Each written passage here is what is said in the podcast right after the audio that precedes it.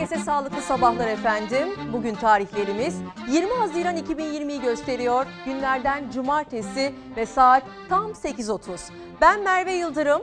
Yaz boyunca sevgili İlker Karagöz'ün yerine ben sizlerle birlikte olacağım ve tüm gündemi birlikte takip edeceğiz. Bu sabah güne aslında bir heyecanla başladık. Öğrencilerimiz liselere geçiş sınavının ilk maratonuna katılmak üzere yollara dökülmüşlerdir diye tahmin ediyoruz.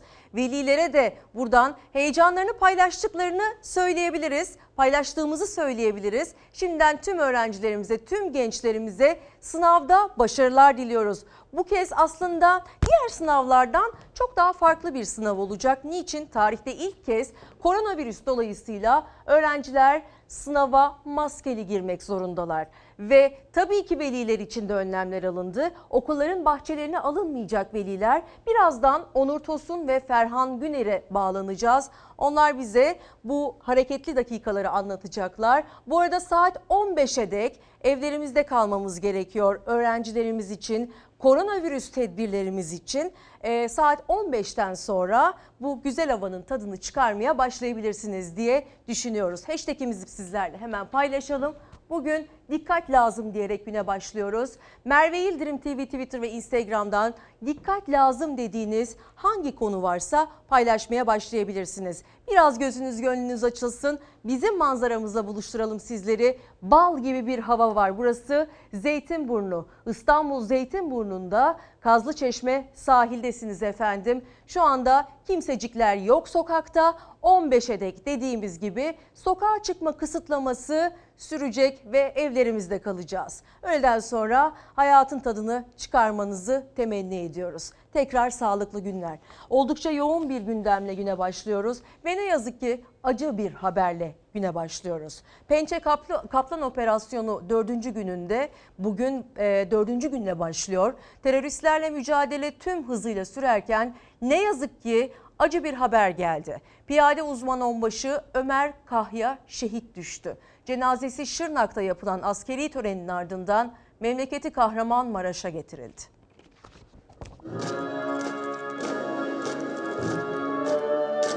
Pençe Kaplan operasyonu bölgesinde çıkan çatışmada uzman onbaşı Ömer Kahya şehit düştü. Şehit uzman onbaşının cenazesi memleketi Kahramanmaraş'a getirildi. Pençe Kaplan harekatında teröristlerle çıkan çatışmada yaralandı, kaldırıldığı hastanede şehit düştü. Piyade uzman onbaşı Ömer Kahya. Şehit için ilk tören Şırnak 23. Piyade Tümen Komutanlığı'nda düzenlendi ve Türk Silahlı Kuvvetleri Komuta Kademesi katıldı. Kahya'nın özgeçmişinin de okunduğu törende edilen dua sonrasında Kahya'nın cenazesi silah arkadaşlarının omuzlarında helikoptere taşındı. Şehit uzman onbaşının cenazesi memleketi Kahramanmaraş'a getirildi. Şehit Ömer Kahya'nın Pazarcık'ta düzenlenecek törenin ardından toprağa verileceği bildirildi. Başımız sağ olsun ve tabii ki geride kalanlara Allah sabır versin. Gazete manşetleriyle başlıyoruz efendim. En başta Yeni Şafak gazetesinin manşetine göz atıyoruz. Aynı acı, aynı öfke diyerek güne başlıyor. Türkiye katliamlara sessiz kalmasın diyor gazete. Silopi'de 4 sivilin alçakça katledilmesi, ekmek parası peşinde koşan yakınlarını teröre kurban veren ailelerin yarasını bir kez daha kanattı. Şırnak'tan Diyarbakır'a, Hakkari'den Mardin'e aynı acı, aynı öfke yükseldi. Teröre de, bu teröre de, bu teröre de, teröre sessiz kalanlara da lanet olsun dendi. Şehit yakınları acılarını işte böyle paylaştı. Ne yazık ki bizim makus talihimiz terör belası. Diğer gazeteye geliyoruz. Yeni Birlik gazetesinde de yine yürütmüş olduğumuz e, Türk Silahlı Kuvvetleri'nin kahraman ordumuzun yürütmüş olduğu e, operasyonun detaylarına yansıyan yansıyan bir detay göreceksiniz. Irak'ın kuzeyinde PKK'ya yönelik Pençe Kartal ve Pençe Kaplan operasyonlarını sürdüren Türkiye'nin bölgede kurduğu geçici üslerin sayısını artırmayı planlandığı bildirildi. Reuters haber ajansına konuşan ve ismi açıklanmayan üst düzey bir Türk yetkili şu anda bölgede ondan fazla geçici üsse sahip olunduğunu belirtti ve planımız temizlenen bölgelerin aynı amaçlarla kullanımını engellemek üzere geçici üst bölgeleri oluşturmak dedi. Yeni üsler de kurulacağını söyledi. İsmi açıklanmayan bir Türk yetkili tarafından duyuruldu bu haber. sınır güvenliğini artırmak üzere de PKK'yı ve lojistik imkanları hedef alan operasyonların Iraklı yetkililerle görüşmelerin ardından başlatıldığını da vurguladı. Hemen yan tarafta Hulusi Akar ve komuta kademesinin sınırda olduğunu gösteren bir fotoğraf karesi görüyorsunuz. Son dönemde Irak'ın kuzeyinden karakol ve üst bölgelerine taciz ve saldırı teşebbüslerini artırarak hudutlar ve halkın güvenliğini tehdit eden PKK terör örgütüne yönelik Türk Silahlı Kuvvetleri tarafından başlatılan Pençe Kaplan operasyonu planlandığı şekilde başarılı, başarıyla sürüyor. Milli Savunma Bakanı Hulusi Akar ve Türk Silahlı Kuvvetleri'nin komuta kademesi Pençe Kaplan operasyonunun sevk ve idare edildiği sınır hattında harekat merkezine gitti. Hulusi Akar ve bizim kahraman Türk ordumuz operasyonu çok yakın bölgeden takip ediyor ve son zamanlarında en kapsamlı terör operasyonu olduğunu da bir kez daha belirtelim. Irak'ın kuzeyinde oluyor bu operasyon ve adına Pençe Harekatı diyoruz. Ee, şu anda komandolarımız ilerliyor, ilerlemeye devam ediyor. Milli Savunma Bakanı e, dün aslında bir açıklama yaptı. Harekatın parolasını paylaştı. Dedi ki ara, bul ve yok et.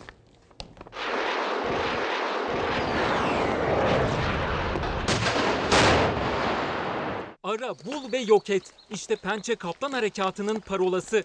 Komandolar terör yuvalarına tek tek giriyor ve imha ediyor. Milli Savunma Bakanı ve komutanlar da sınırda. Harekatı en yakın noktadan yönetiyorlar. Tuğgeneral Atatürk 23. Piyade Tümen Komutanı. Komandolar Irak'ın kuzeyinde, Haftanin'de. Onlar karadan ilerlerken obüs ve roket atarlar da hedefleri yerle bir ediyor. Komandoların en büyük destekçisi silahlı insansız hava araçları. Kaçmaya çalışan teröristler etkisiz hale getiriliyor. Harekatın ilk etabında Pençe Kartal operasyonuyla savaş uçakları Irak'ın kuzeyini vurmuş, teröristlerin sığınaklarını imha etmişti. Türk Silahlı Kuvvetleri Türkiye'nin güney ve güneydoğu sınırındaki terör hattını imha etmek için kara operasyonuna başladı. Komandolar Şırnak'tan sınırı geçti, Haftanin'e ilerledi.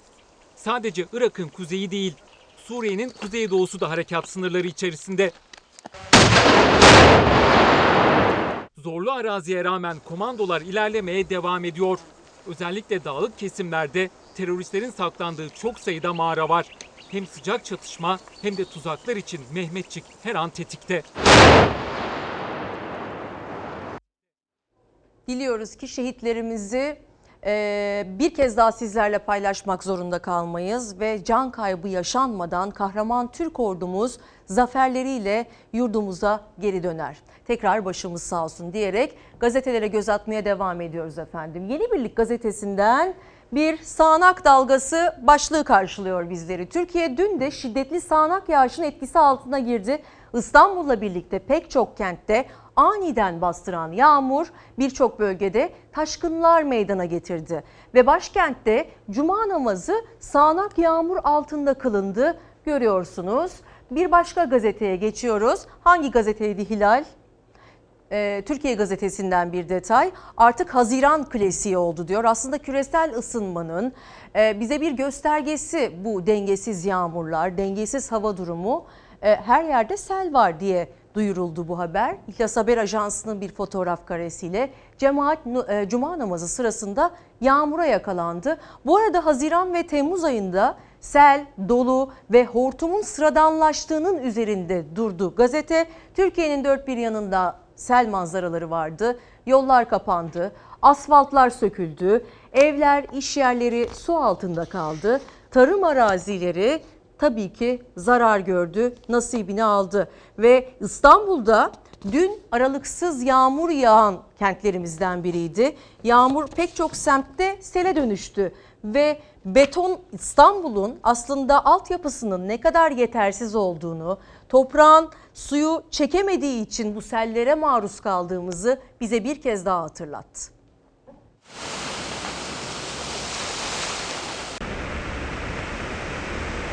...10 dakikalık yağmurun sonucu...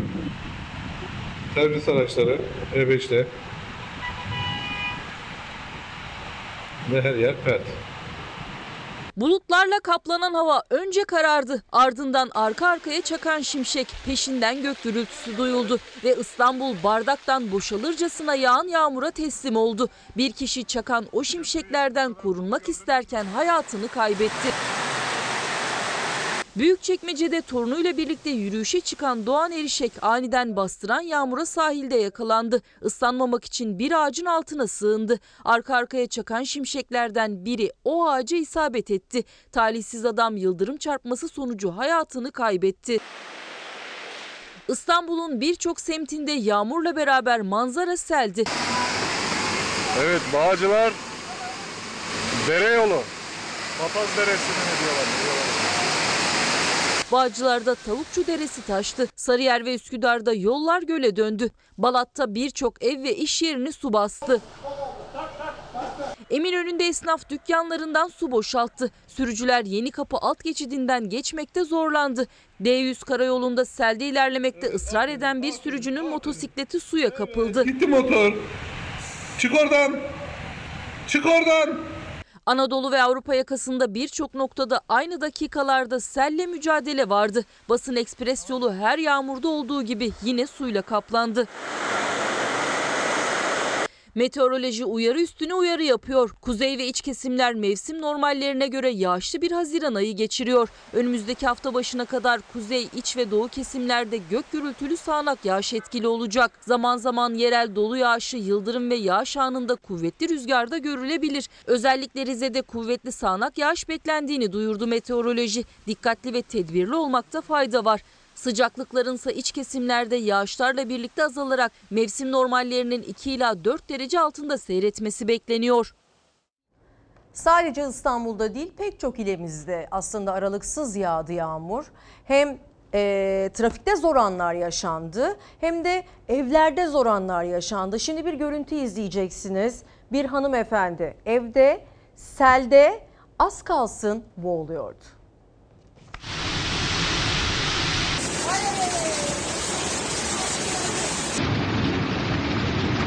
Aniden bastıran birkaç dakikada sele dönen sağanak yağmur hayatı felç etti. Birçok ilde manzara buydu. Göle dönen yollarda sürücüler evlerinde mahsur kalanlar kurtarılmayı bekledi. Getiriyor arkadaşım bak.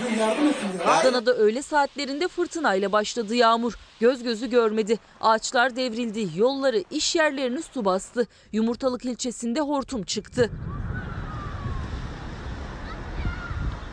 Suyun sürüklediği araçlardaki sürücüler selde mahsur kaldı. Tıkanan rögar kapağını açmak isteyen görevliler göle dönen yolda suya daldı. Aynı dakikalarda bir kadın suyla dolan Bodrum kattaki evinde hayatta kalma mücadelesi veriyordu. İmdadına dalgıç polis yetişti. Boğulmak üzere olan kadın su yüzüne çıkan eşyaların arasından çıkarılıp hastaneye kaldırıldı. Sakarya ve Sivas'ta yağmur ekili alanlara zarar verdi. Çiftçinin hasat etmeye hazırlandığı ürünleri su altında kaldı. Karaman, Hatay ve Giresun'da sel sürücülere zor anlar yaşattı. Tekirdağ'da bir kişi suyla dolan yolda kanoyla gezdi. Çorum'da bir hastanenin yeni yapılan binasını su bastı. Bartın'daysa sele kapılan 6 büyükbaş hayvan telef oldu. İşte toprağımızın değerini bir kez daha anlamamız gereken görüntüler. Betona düştüğü zaman yağmur suları uzmanların da söylediğine göre e, içine çekemiyor yeterli e, fazla gelen suları. Ama ne yazık ki biz betonlaşmaya çok fazla yatırım yaptığımız için bu manzaraları her zaman görmeye devam edeceğiz. Ama betona yatırım yapıyoruz derken altyapıyı unuttuğumuzu da bir kez daha vurgulamakta fayda görüyoruz efendim. Şimdi gazetelerle devam ediyoruz. Bir gün gazetesinden bugünün önemli gündem maddelerinden birini paylaşıyoruz. Eğitimde uçurum salgınla derinleşti. Bugün liselere geçiş sınavının ilk maratonunu bizler takip ederken Eğitim Sen 19 Mart'tan bugüne yayımladığı günlükleri raporlaştırdı. Raporda uzaktan eğitim dönemi eşitsizlikleri derinleştirmiştir dendi. Ve Eğitim Sen raporda salgın döneminde öğrenciler arasındaki uçurumun e, internet erişimi olmayan öğrenciler için daha zor olduğundan bahsetti. Ana dili Türkçe olmayan öğrenciler, göçmen ve mülteci ailelerin çocukları uzaktan eğitimden eşit yararlanamamıştır denildi. Öğretmenler yardım kampanyalarına bağışa zorlanmıştır. Detayını da paylaşmış oldu. Kaldı ki geçtiğimiz günlerde evinde televizyon dahi olmayan öğrencilerimizin olduğunu da sizlerle paylaşmıştık. Bize ulaşanlar da olmuştu. İnternet erişiminde, bilgisayar erişiminde çok fazla sıkıntılar yaşandı. Haliyle koronavirüs tedbirleri kapsamında internet kafelerde kapalıydı. Böylelikle aslında eğitimdeki eşitsizliğin arasının daha da açıldığına tanık olduk. Ama her şeye rağmen tüm öğrencilerimize bir kez daha başarılar dileyelim. Bir gün gazetesinden Diriliş Postası'na gidiyoruz. Salgında ilk büyük sınav diyor Diriliş Postası. Covid-19 salgınının Mart ayında Türkiye'de görülmesinin ardından ilk büyük merkezi sınav bugün yapılıyor. 8. sınıf öğrencilerinin katılacağı liselere geçiş sınavı yani LGS 18.139 okulda 111.918 salonda üst düzey tedbirler altında gerçekleşecek. Birazdan götüreceğiz sizleri o dakikaları birlikte takip edeceğiz.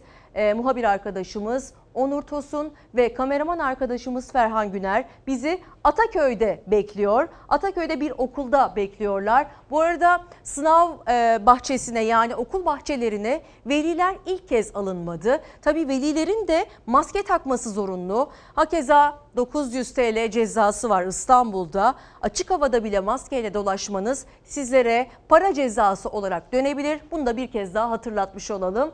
Ve bir başka detay. Bakan Koca'dan LGS çağrısı. Sağlık Bakanı Fahrettin Koca belediye başkanlarından özel bir talepte bulundu. Bugün yapılacak sınav sebebiyle otobüs seferlerinin herkes dışarıdaymış gibi tam kadro hizmette tutulmasını istedi. Sosyal medya hesabı üzerinden yaptı bu çağrıyı ve tabii ki otobüste az olmanın gençlere iyi geleceğini, sınava daha iyi odaklanabileceklerini ifade etti. Tabii bunun dışında da sosyal mesafe kuralının daha iyi e, uygulanabilmesi için otobüslerin, toplu taşıma araçlarının çok olması hepimizin lehine aslında. Şimdi efendim gidelim sınav merkezlerinden birine. Karşımızda kim var? Onur Tosun yok mu? Önce o zaman e, habere gidelim. Nasıl bir e, onları maraton bekliyor bugün? Maskeli olarak girecekler sınavlarına ve ter dökecekler. Aslında maratonun ilk aşaması bu. Peki nasıl önlemler alındı? O anları yakından takip etmeden önce hazırlıkları sizlerle paylaşıyoruz.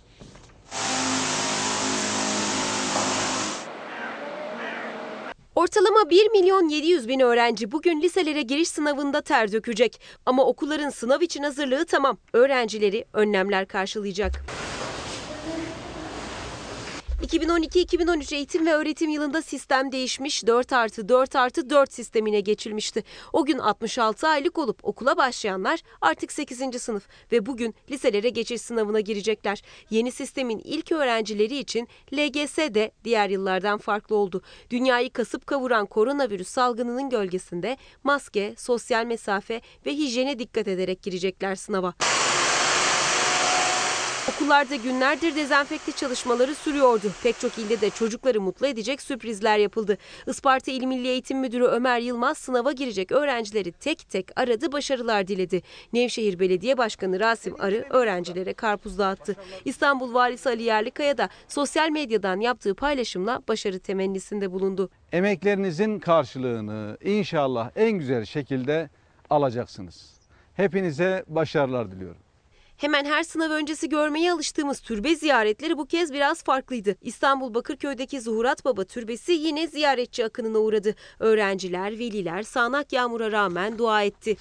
Ama dua etmek için sıra beklerken sosyal mesafeye dikkat etmek zorunda kaldılar. Bütün bir sene çalıştılar. Bekliyorum. Verimli olmalarını bekliyorum. İnşallah hayırlısıyla kazanmalarını istiyorum. Sınav oturumları 9.30 ve 11.30'da başlayacak. İmtihana girecek öğrenciler 9 itibariyle içeriye alınacak. Okula girişle birlikte önce geldikleri maskeler alınacak, yerine yenisi verilecek. Ellerini dezenfekte edecekler. Sosyal mesafenin korunması için tek kişilik sıralarda oturacaklar.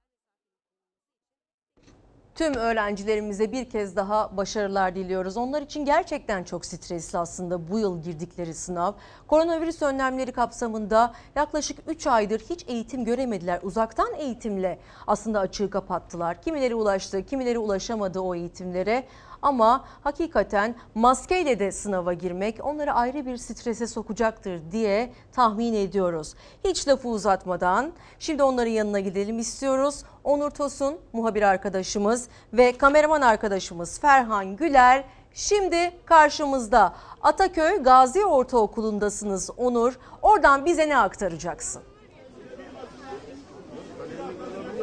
Merve Yıldırım günaydın. Sınav heyecanı başladı Bakırköy'deki Ataköy Gazi Ortaokulu'nda. Öğrenciler şimdi yavaş yavaş içeri alınacak.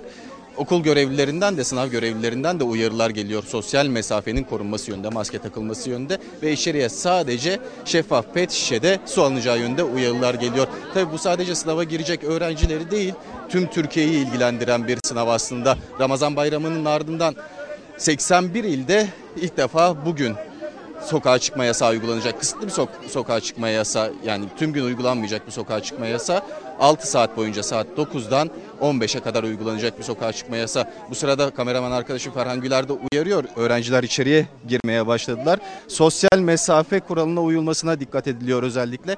Yerlerde çizilen çizgiler var. Öğrencilerin o çizgiler üzerinde durması isteniyor ve buradan sonra tek tek sınıflarına alınacak öğrenciler. Tabii bu sınavla ilgili endişeler de vardı özellikle sağlık açısından olan endişeler vardı. Milli Eğitim Bakanı, Sağlık Bakanı ve İçişleri Bakanı gerekli açıklamaları yaptılar ve gerekli önlemlerin alındığını duyurdular. Özellikle Sağlık Bakanı sosyal medyadan belediye başkanlarına seslendi, belediyelere seslendi. Toplu ulaşımı kısıtlamayın.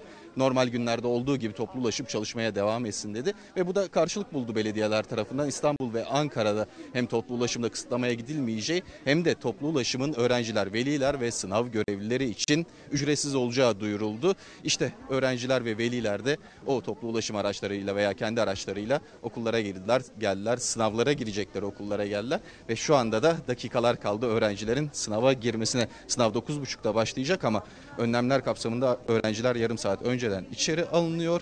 E, Dezenfektanlarını kullanacaklar, maskeleri dağıtılacak, kalemleri dağıtılacak ve daha seyrek olarak sınıflarda oturacaklar. Sayılar azaltılacak. Sınıf, bir sınıfta sınava girebilecek öğrenci sayısı azaltılacak. Tabii s- sınav salonların sayısı arttırıldı. Bu sınava özel olarak, salgın dönemine özel olarak görevli personelin sayısı arttırıldı. Daha çok salonda daha az, daha seyrek öğrenci sayısıyla sınavlar yapılacak diyelim ve sözü yeniden sana bırakalım. Onur Tosun çok teşekkür ediyoruz. Orada gözlemlerinize devam edeceksiniz. Akşam detayları tekrar sizin gözlemlerinizle izleyeceğiz. Onur Tosun'un da söylediği gibi 6 saat boyunca sokağa çıkma kısıtlaması var. Liselere geçiş sınavında öğrencilerimizi gördünüz. Oldukça aslında stresli bir sınav olacak bu onlar için. Ee, Hem sınav stresi hem de bunun yanında koronavirüs stresi eklenmiş oldu. Ne yazık ki bu da bir talihsizlik ama e, uzun e, zamandan beri sokağa çıkma kısıtlaması ilk kez aslında bu sınavla birlikte olmuş oldu. Şunu da hatırlatmakta fayda var. 27 ve 28 Haziran'da da belli saatler kapsamında sokağa çıkma kısıtlaması olacak ve bu yasakları delmek e, üzere bulunan vatandaşlara da belli cezalar kesilecek. Dediğimiz gibi maskesiz açık alanda dolaşmanın da bir maddi cezası var. Lütfen maskelerimizi takalım diyerek koronavirüs gündemine hızlı hızlı giriş yapıyoruz efendim. Karar Gazetesi'ne bakacağız önce. Son kale maske başlığını görüyorsunuz. Normalleşme sürecinde devam eden virüs bulaşma riskine karşı elde tek kalan silah maske oldu. Ancak bu tedbirin başarıya ulaşması için denetimler kadar, kadar toplumdaki duyarlılığın ve sorumluluk duygusunun yaygınlaşmasına da ihtiyaç var. Vatandaşların birçoğunun maskeyi ceza yememek için cebinde taşıması ancak polisi görünce takması bu konuda bilinç düzeyinin ne kadar geride kaldığını gösterdi. Denetim yapanı kim denetlesin yazan ve bir fotoğraf karesiyle başka bir pencereden bakan detayı da paylaşmak istiyoruz. Virüs %80 bu yolla vücuda giriyor. E, denetim yapan kişiler yani İstanbul ve Ankara'nın da e, aslında tüm denetim merkezlerinde yani havalimanlarına girişte ya da e, güvenlik kontrolünde vatandaşı uyaran ve aramak zorunda olan polis ve memurlar aslında bizlere temas ediyorlar ve Akademik Solunum Derneği Yönetim Kurulu Başkanı Profesör Doktor Tutluoğlu da diyor ki Buna dikkat etmemiz gerekiyor. Bu arada hiçbir belirti göstermeyip aramızda dolaşan binlerin olduğunu da vurguluyor. Virüs %80 burundan bulaşıyor diyor. Burnumuzu da aslında iyi kapatmamız gerekirken e, pek çok vatandaşın maskeyi aslında çenesine ve özür dilerim sadece ağzına kapattığına da tanık oluyoruz. Ama e, arama ve kontrol sırasında birbirimize temas etmek durumunda kaldığımız durumlarda da aslında durumun biraz kritikleştiğini de gözlemlemekteyiz efendim. Diğer gazeteye gelelim. Sırada hangi gazetemiz var? Son Söz gazetesi. Maske takma konusunda gevşedik diyor Sağlık Bakanlığı Koronavirüs Bilim Kurulu üyesi Profesör Doktor Hasan Tezer.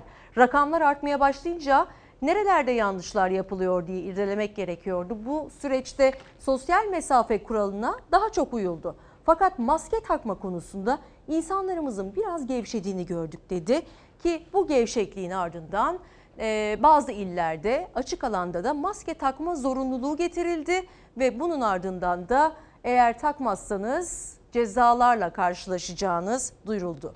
Milliyet gazetesine göz atıyoruz. Milliyet gazetesinde maskeye tek ceza 900 TL başlığını görmektesiniz. İçişleri Bakanlığı maske takma zorunluluğuna uymayanların 3 gün süreyle uyarılıp bilgilendirilmesi 22 Haziran itibariyle bu kuralı, bu kuralı ihlal edenlere 900 lira ceza kesilmesine ilişkin valiliklere talimat verdi. Maskenin 51, ha- e, 51 ilde hayatın tüm alanlarında 30 ilde ise insanların toplu halde bulunduğu iş yerlerinde takılması zorunluluğu var. Bir maske her şeyi değiştirebilir diyor Milliyet gazetesi. Aslında buna bütün dünya da tanık oldu.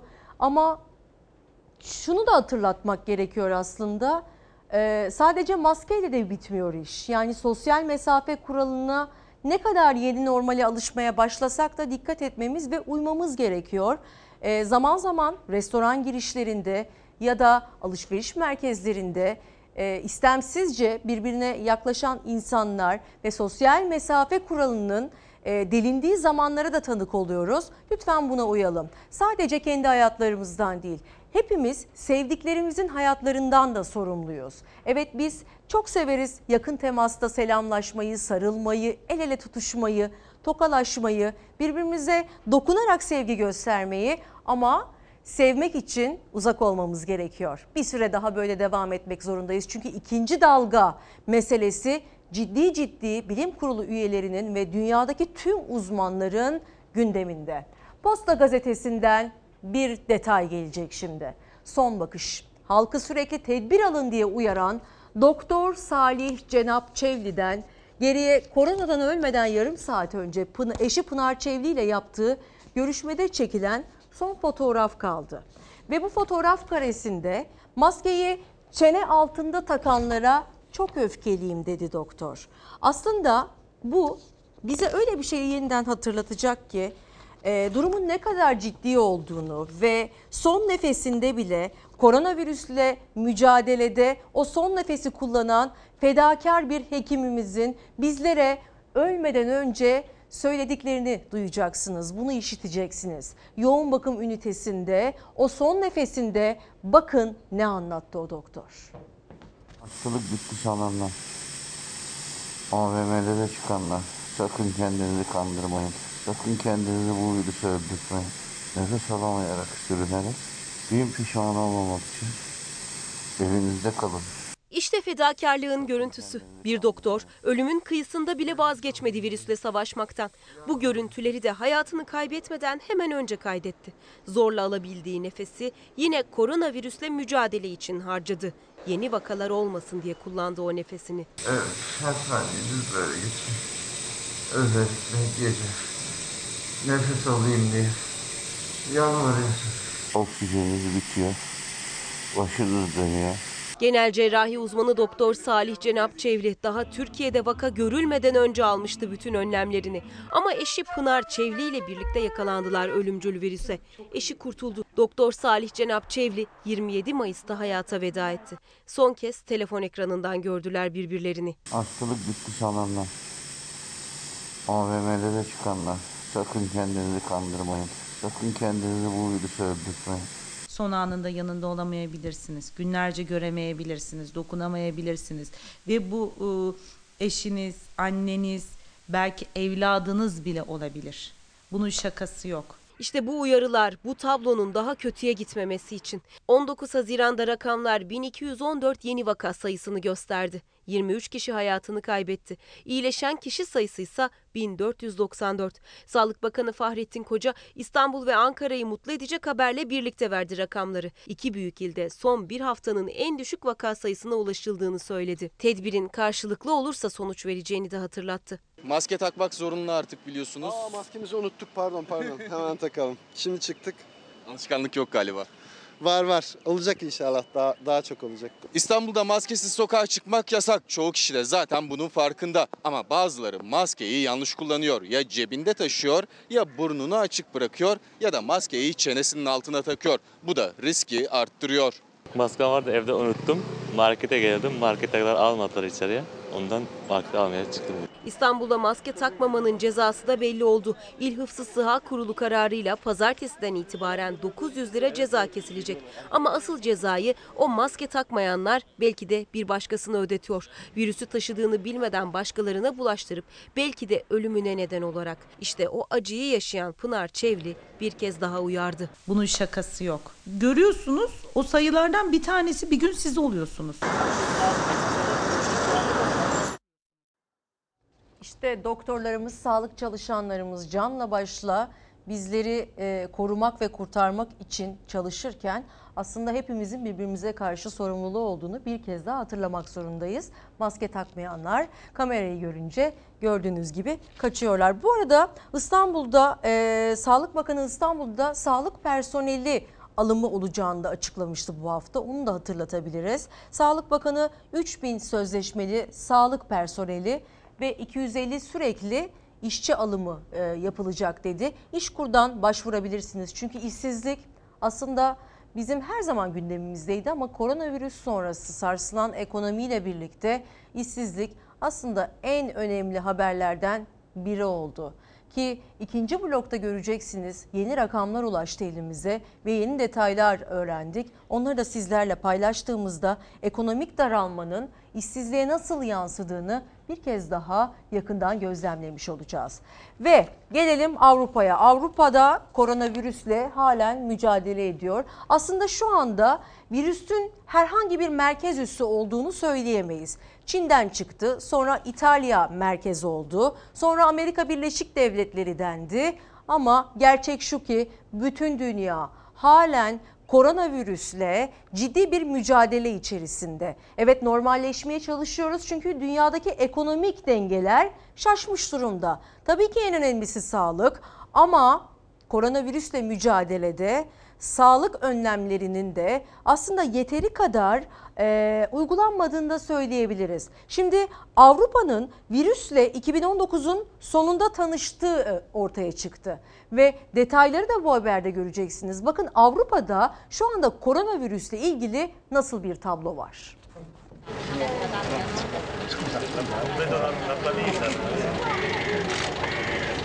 Dünyada neredeyse 460 bin kişinin ölümüne neden olan koronavirüsün Avrupa'ya 2019 sonunda girdiği anlaşıldı.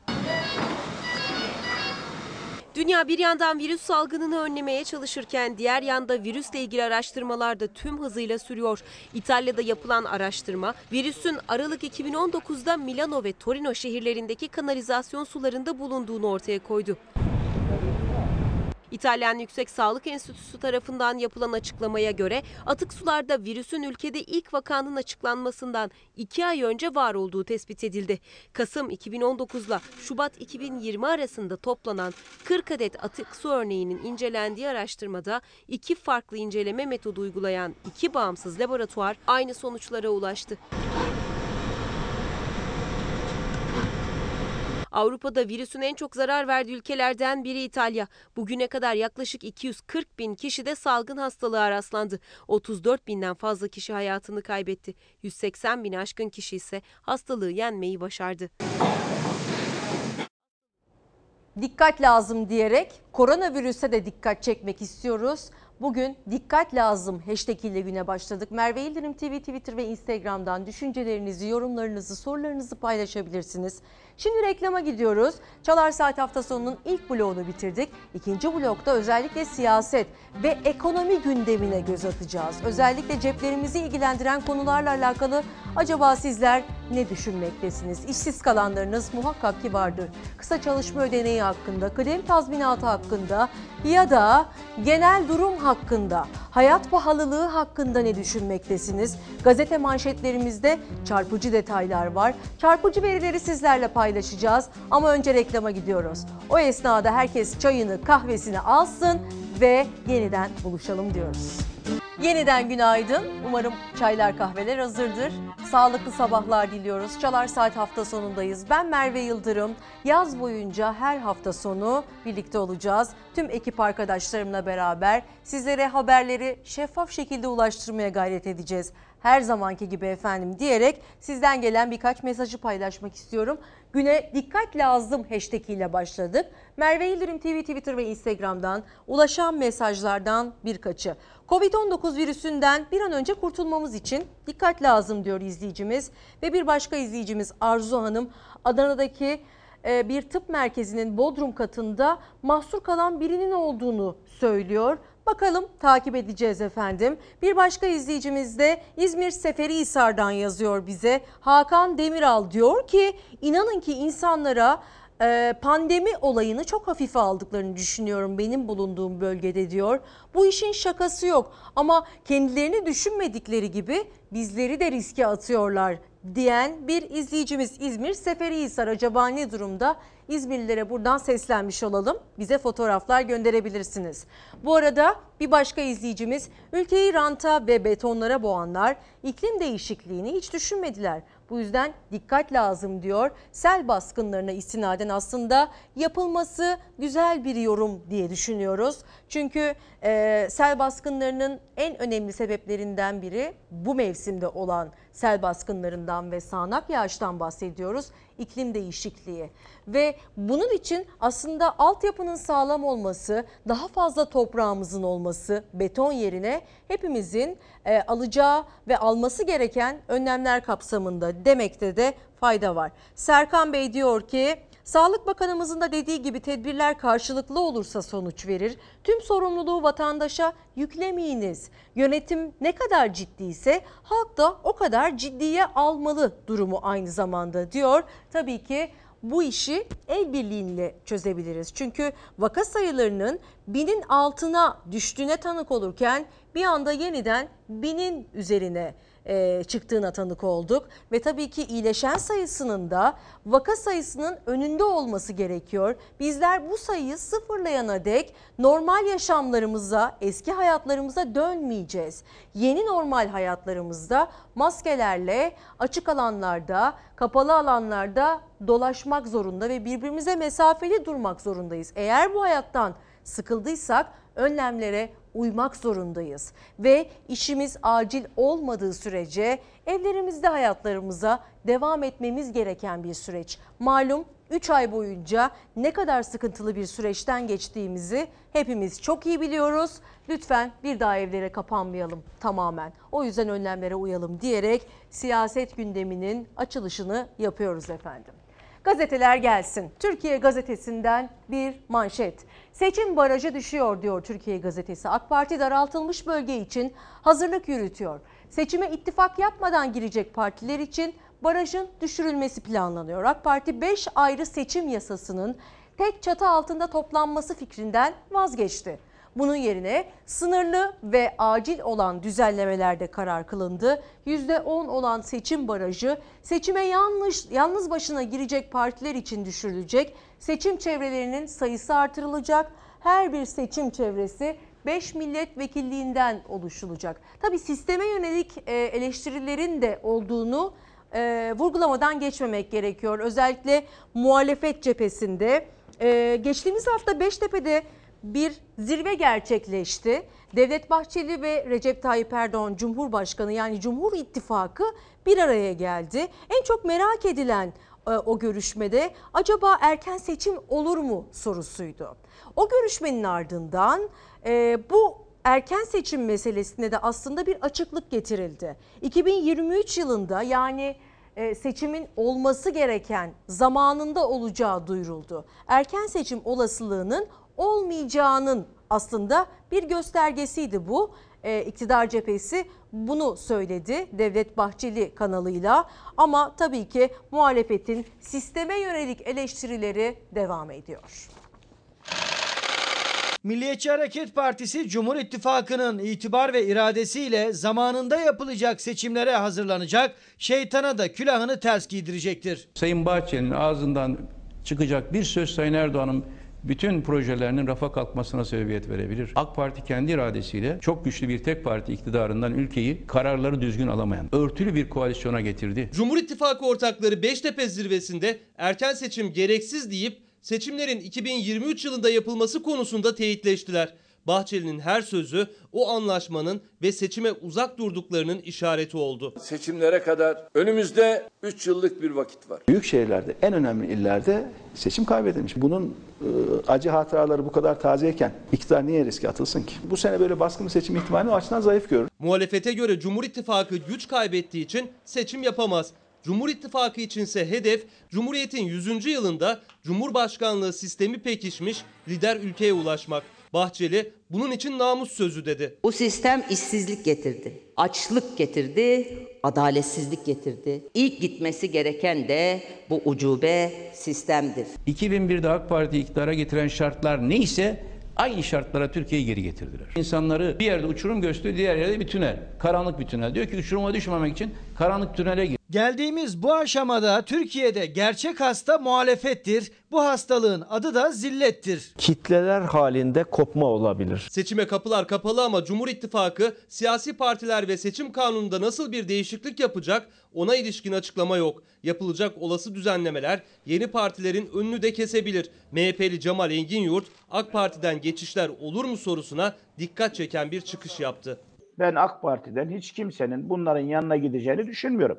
Şu aşamada düşünmüyorum ama. İnsanlar listeye giremeyeceğini anlarsa veya Evet. partilerinden dışlanırsa nefsine uyarak giden olabilir.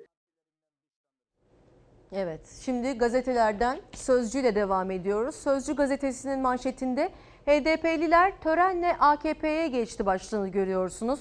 Bunu CHP'liler yapsa kıyma makinesine atarlardı. Mardin Midyat Belediyesi'nin 3 HDP'li meclis üyesi partilerinden ayrılıp AKP'ye katıldı. Her birine törenle AKP rozeti takıldı. Hayırlı olsun dediler. Ee, böyle bir detay. Ve Sözcü gazetesinden bir başka detay. Meral Akşener İyi Parti liderinin e, Saygı Öztürk'e vermiş olduğu röportajın bir çerçevesi. Meral Akşener bazı çevrelerin hemen her gün tehdit, iftira ve hakaretleriyle karşı karşıya kalındığını belirtti ve eleştirilerini devam ettirdi. Tehditleri takipte zorlanır hale geldiğini söyleyen Akşener, her gün bir arkadaşının kıyma makinesine atıldığını açıkladı. Tencere AKP'yi sallıyor diyen Akşener aynı zamanda şunları söyledi. Yakında gidecekler. Küçük esnaf yok olma tehlikesiyle karşı karşıya. Salı günü grupta işsiz bir genç kürsüye çıkacak dedi. Salı günü İyi Parti e, meclis grup toplantısında işsiz bir gencin de kürsüye çıkacağını duyurdu. Siyasetin gündemi uzun zamandan beri ekonomi üzerine kurulu ve e, zaman bize şunu gösteriyor ki gelmiş olduğumuz nokta koronavirüs sonrası sarsılan ekonomiyle birlikte tamamen ekonomi üzerinden sistem eleştirilerinin yapılacağını doğru e, söylemekte zarar olmaz diye düşünüyoruz. Karar gazetesinin sür manşetinde ekonomiyi yönetenler ekonomi bilmiyor. Hükümetin ekonomi yönetimini sert eleştiren Gelecek Partisi lideri Davutoğlu ekonomi bir habitat, bir iklim meselesi. Çevre şartları iyi değilse sırf her gün slogan üretildi diye düzelmez. Ekonomiyi yönetenlerin çok ciddi bir bilgi eksikliği var, cehaleti var dedi Ahmet Davutoğlu. Eski Başbakan AK Parti'nin eee, önemli isimlerindendi. Gelecek Partisi lideri oldu ve şu anda Erdoğan'a rakip. Varlık Fonu'nun görevi e, kredi kurtarmak mı? Sorduğu sorular. Ne lik, liyakat, ehliyet ne de hukuk var dedi eleştirilerinden biriydi. Faiz yüküyle mi İslami ekonomi yapacaksınız sorusuna bir yorum getirdi. Türkiye 2001 koşullarına döndü. Yani AK Parti'nin iktidara geldiği koşullara. Çünkü Türkiye'de 2000 önce 2002 öncesi AK Parti'yi iktidara getiren bir ortam var şu anda dedi. Ekonomi ve demokraside 2001'de geri dönüldü. Artık tek başına güçlü bir iktidar partisi yok. Bahçeli'nin ağzından çıkacak bir sözle Erdoğan planlarını değiştirebilir dedi. Ki bu da bizi bir önce izlediğimiz habere götürüyor. Erken seçim olmayacak söylemine götürüyor. Ama e, bu durumda iplerin Bahçeli'nin ağzından çıkacak e, laflara bağlı olduğunu da iddia etti Davutoğlu. Sosyal yardımları kes, kesmeyeceğiz dedi. Ciddi bir orta sınıf fakirleşmesi var dedi. Öncelikle bu durumu ortadan kaldırmak gerekiyor. İktidarın söylemlerinden biri de biz gidersek sosyal yardımlar kesilir. Hayır efendim biz sosyal yardımları kesmeyi düşünmüyoruz dedi ve Ekonomi detayları da böyleydi Ahmet Davutoğlu'nun. E, açıklamalarına aslında ara vermeden devam ediyor Davutoğlu. Önce detay vermeden ve başlıklar halinde başlıyor konuşmalarına. E, birkaç gün önce ihalelerde neler döndüğünü gördüm demişti. Üç gün sonra yolsuzluk ve şeffaflık dosyasıyla Karar TV'de açıklamalara devam etti ve dikkat çekici açıklamalardı. Gizli kapaklı ilişkileri kesmek istedim dedi ve devamını getirdi. Gizli, kapaklı, arka planda yürüyen bütün ilişkilerin önünü kesmek istedim. Böyle gizli, kapaklı ilişkiler mi vardı? E tabi doğal olarak. Torba yasa hangi ekonomik rantı kimden kime verdiğini ölçmeniz çok zor oluyor. Yasama da buna bazen alet edilmiş oluyor. Gelecek Partisi Genel Başkanı Ahmet Davutoğlu birkaç gün önce yaptığı çıkışın devamını getirdi. 2014'te başbakanlık yaptığı süreçte kamu ihaleleriyle ilgili konuşmuş ama detay vermemişti. Bu kez de gizli kapaklı rant ilişkileri iması yaptı. İhalelerde neler olup bittiğini görme, görmüştüm. Bir reform çabamız vardı ama işte belki de bu reform çabalarıdır ki parti içi darbe yaşamak durumunda kaldık. Davutoğlu bu sözlerden 3 gün sonra yolsuzluk ve şeffaflık vurgusuyla imar değişikliği sayfasını açtı. Şehrin varoşlarında yani kenar arsalarında birisi gidiyor orada arsaları alıyor. Köylünün verebileceği arsanın da fiyatını da biraz da yükseğini alıyor. Memnuniyetle veriyor. Alan kişi orada büyük bir imar değişimi yapılacağını biliyor. Önceden kapatıyor arıza. Benim açımdan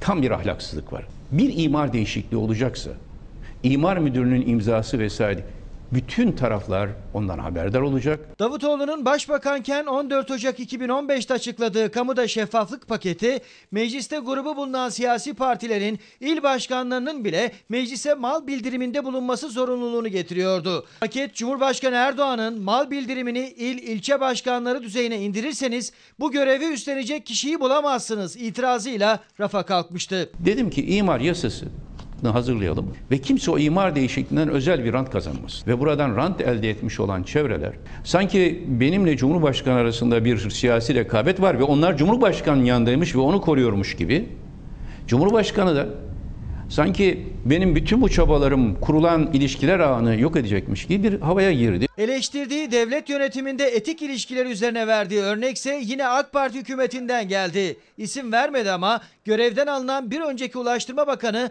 Mehmet Cahit Turan'ı işaret etti Davutoğlu. Bir karayolları genel müdürü Kuzey Anadolu Otoyolu'nun konsorsiyumunun başına gelirse sonra da Ulaştırma Bakanı olarak tekrar devlet tarafına geçiyorsunuz.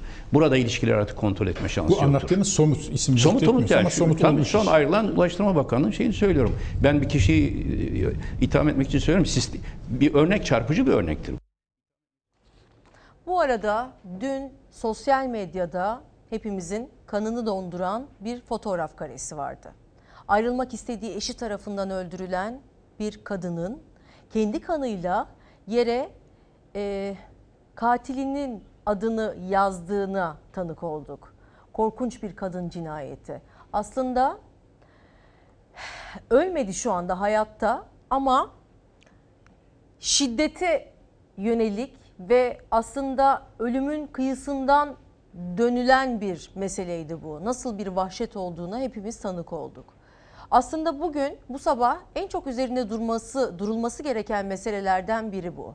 Ee, kadına şiddeti tartıştığımız ve kadına şiddetin ne kadar bizi yaraladığını bir kez daha gözlemlediğimiz, kadın cinayetlerinin nedenli yükseldiğini takip edemediğimiz bir süreçte yasaların yeterli şekilde düzenlenmesi gerektiğini bir kez daha buradan bir kadın olarak vurgulamak istiyorum. 23 yıllık eşi tarafından yıllar boyunca şiddet gören bir kadın ve kendi kanıyla böyle bir detay bırakarak arkasında e, ailesine duyurmaya çalışıyor. Durumun vahşetini aslında kelimelerle anlatmamız mümkün değil ama sık sık üzerinde durmamız gereken bir e, süreç bu süreç. Bu durum düzelene kadar davalar ya da e, yasalar buna göre düzenlenene kadar özellikle biz kadınların üzerinde durulma, e, durması gereken mesele. Bunu da atlamadan geçmek istemedim. E, tüm ailesine geçmiş olsun. Gerçekten çok dehşet verici bir mesele. Daha önceki kadın cinayetlerini tabii ki atlayamayız. Kadın şiddetini tabii ki atlayamayız. Ama ben o fotoğraf karesini gördüğümde kanım dondu. Herkes gibi. Ne kadar acı. Tabii ki gerekli önlemleri almak üzere e, güvenlik güçleri ve emniyet güçleri harekete geçti. Adalet Bakanlığı da ortaya geçti. Ama bizim bu durumları iş işten geçmeden kontrol altında tutmamız gerekiyor. Kadınlarımızı yeteri kadar koruyamıyoruz ve kadınlarımız için yeteri kadar önlem alamıyoruz. Aynı şey çocuklarımız için de geçerli. İstismar suçları, taciz suçları bunlar için daha ağırlaştırılmış ağırlaştırılmış ve e, caydırıcı cezaların olması gerektiğini yıllardır vurguluyoruz ama yeteri kadar e, bir şey gelmediğini de elimizden vurgulamak zorundayız. Bunu atlamak istemedim ama özellikle buradan kadınlara sesleniyorum. Kadınlar bu konu hakkında ne düşünüyorsunuz? Mesajlarınızı okuyacağım. Merve İldirim TV Twitter ve Instagram'dan yazabilirsiniz. Aslında sadece kadınlar değil, erkeklerin aslında bu duruma nasıl baktığını da biz özetlemek durumundayız. Çünkü insan olanın e, ve e, duygu barındıranın, içinde duygu barındıran hiç kimsenin bu kadar canavarlaşabileceğini aslında hesaba katmıyoruz. Ama canavarlar aramızda efendim maalesef. Evrensel Gazetesi'yle devam ediyoruz. Savunma adalet için yürüyor. Malum baro başkanları dün yürüyüşe geçtiler. Niçin? Barolara dönük mü- müdahale ve artan baskıları protesto etmek için Türkiye'nin dört bir yanından Ankara'ya yürüyüş başlatıldı. Düzenlemeden vazgeçilsin diyor barolar. Baroların eş zamanlı yaptığı Ankara'ya doğru yürüyüş pazar günü Ankara'da son bulacak. İllerde bulunan adliye binaları önünde başlayan yürüyüşlerde bağımsız ve güçlü bir yargı için yürüyoruz dedi barolar ve seçim sistemine değişiklik öngören düzenlemeden vazgeçilmesini talep ettiler. Talepleri e, ısrarla devam ediyor. 80 ilden katılan baro başkanları bu yürüyüşte seslerini duyurmaya gayret ediyorlar. Bir başka gazete bakalım nasıl verdi bu detayı? Cumhuriyet gazetesinin de manşetinde çünkü savunma yürüyor. Hükümetin baroları susturma ve güçsüzleştirme planına karşı baro başkanları eylem başlattı.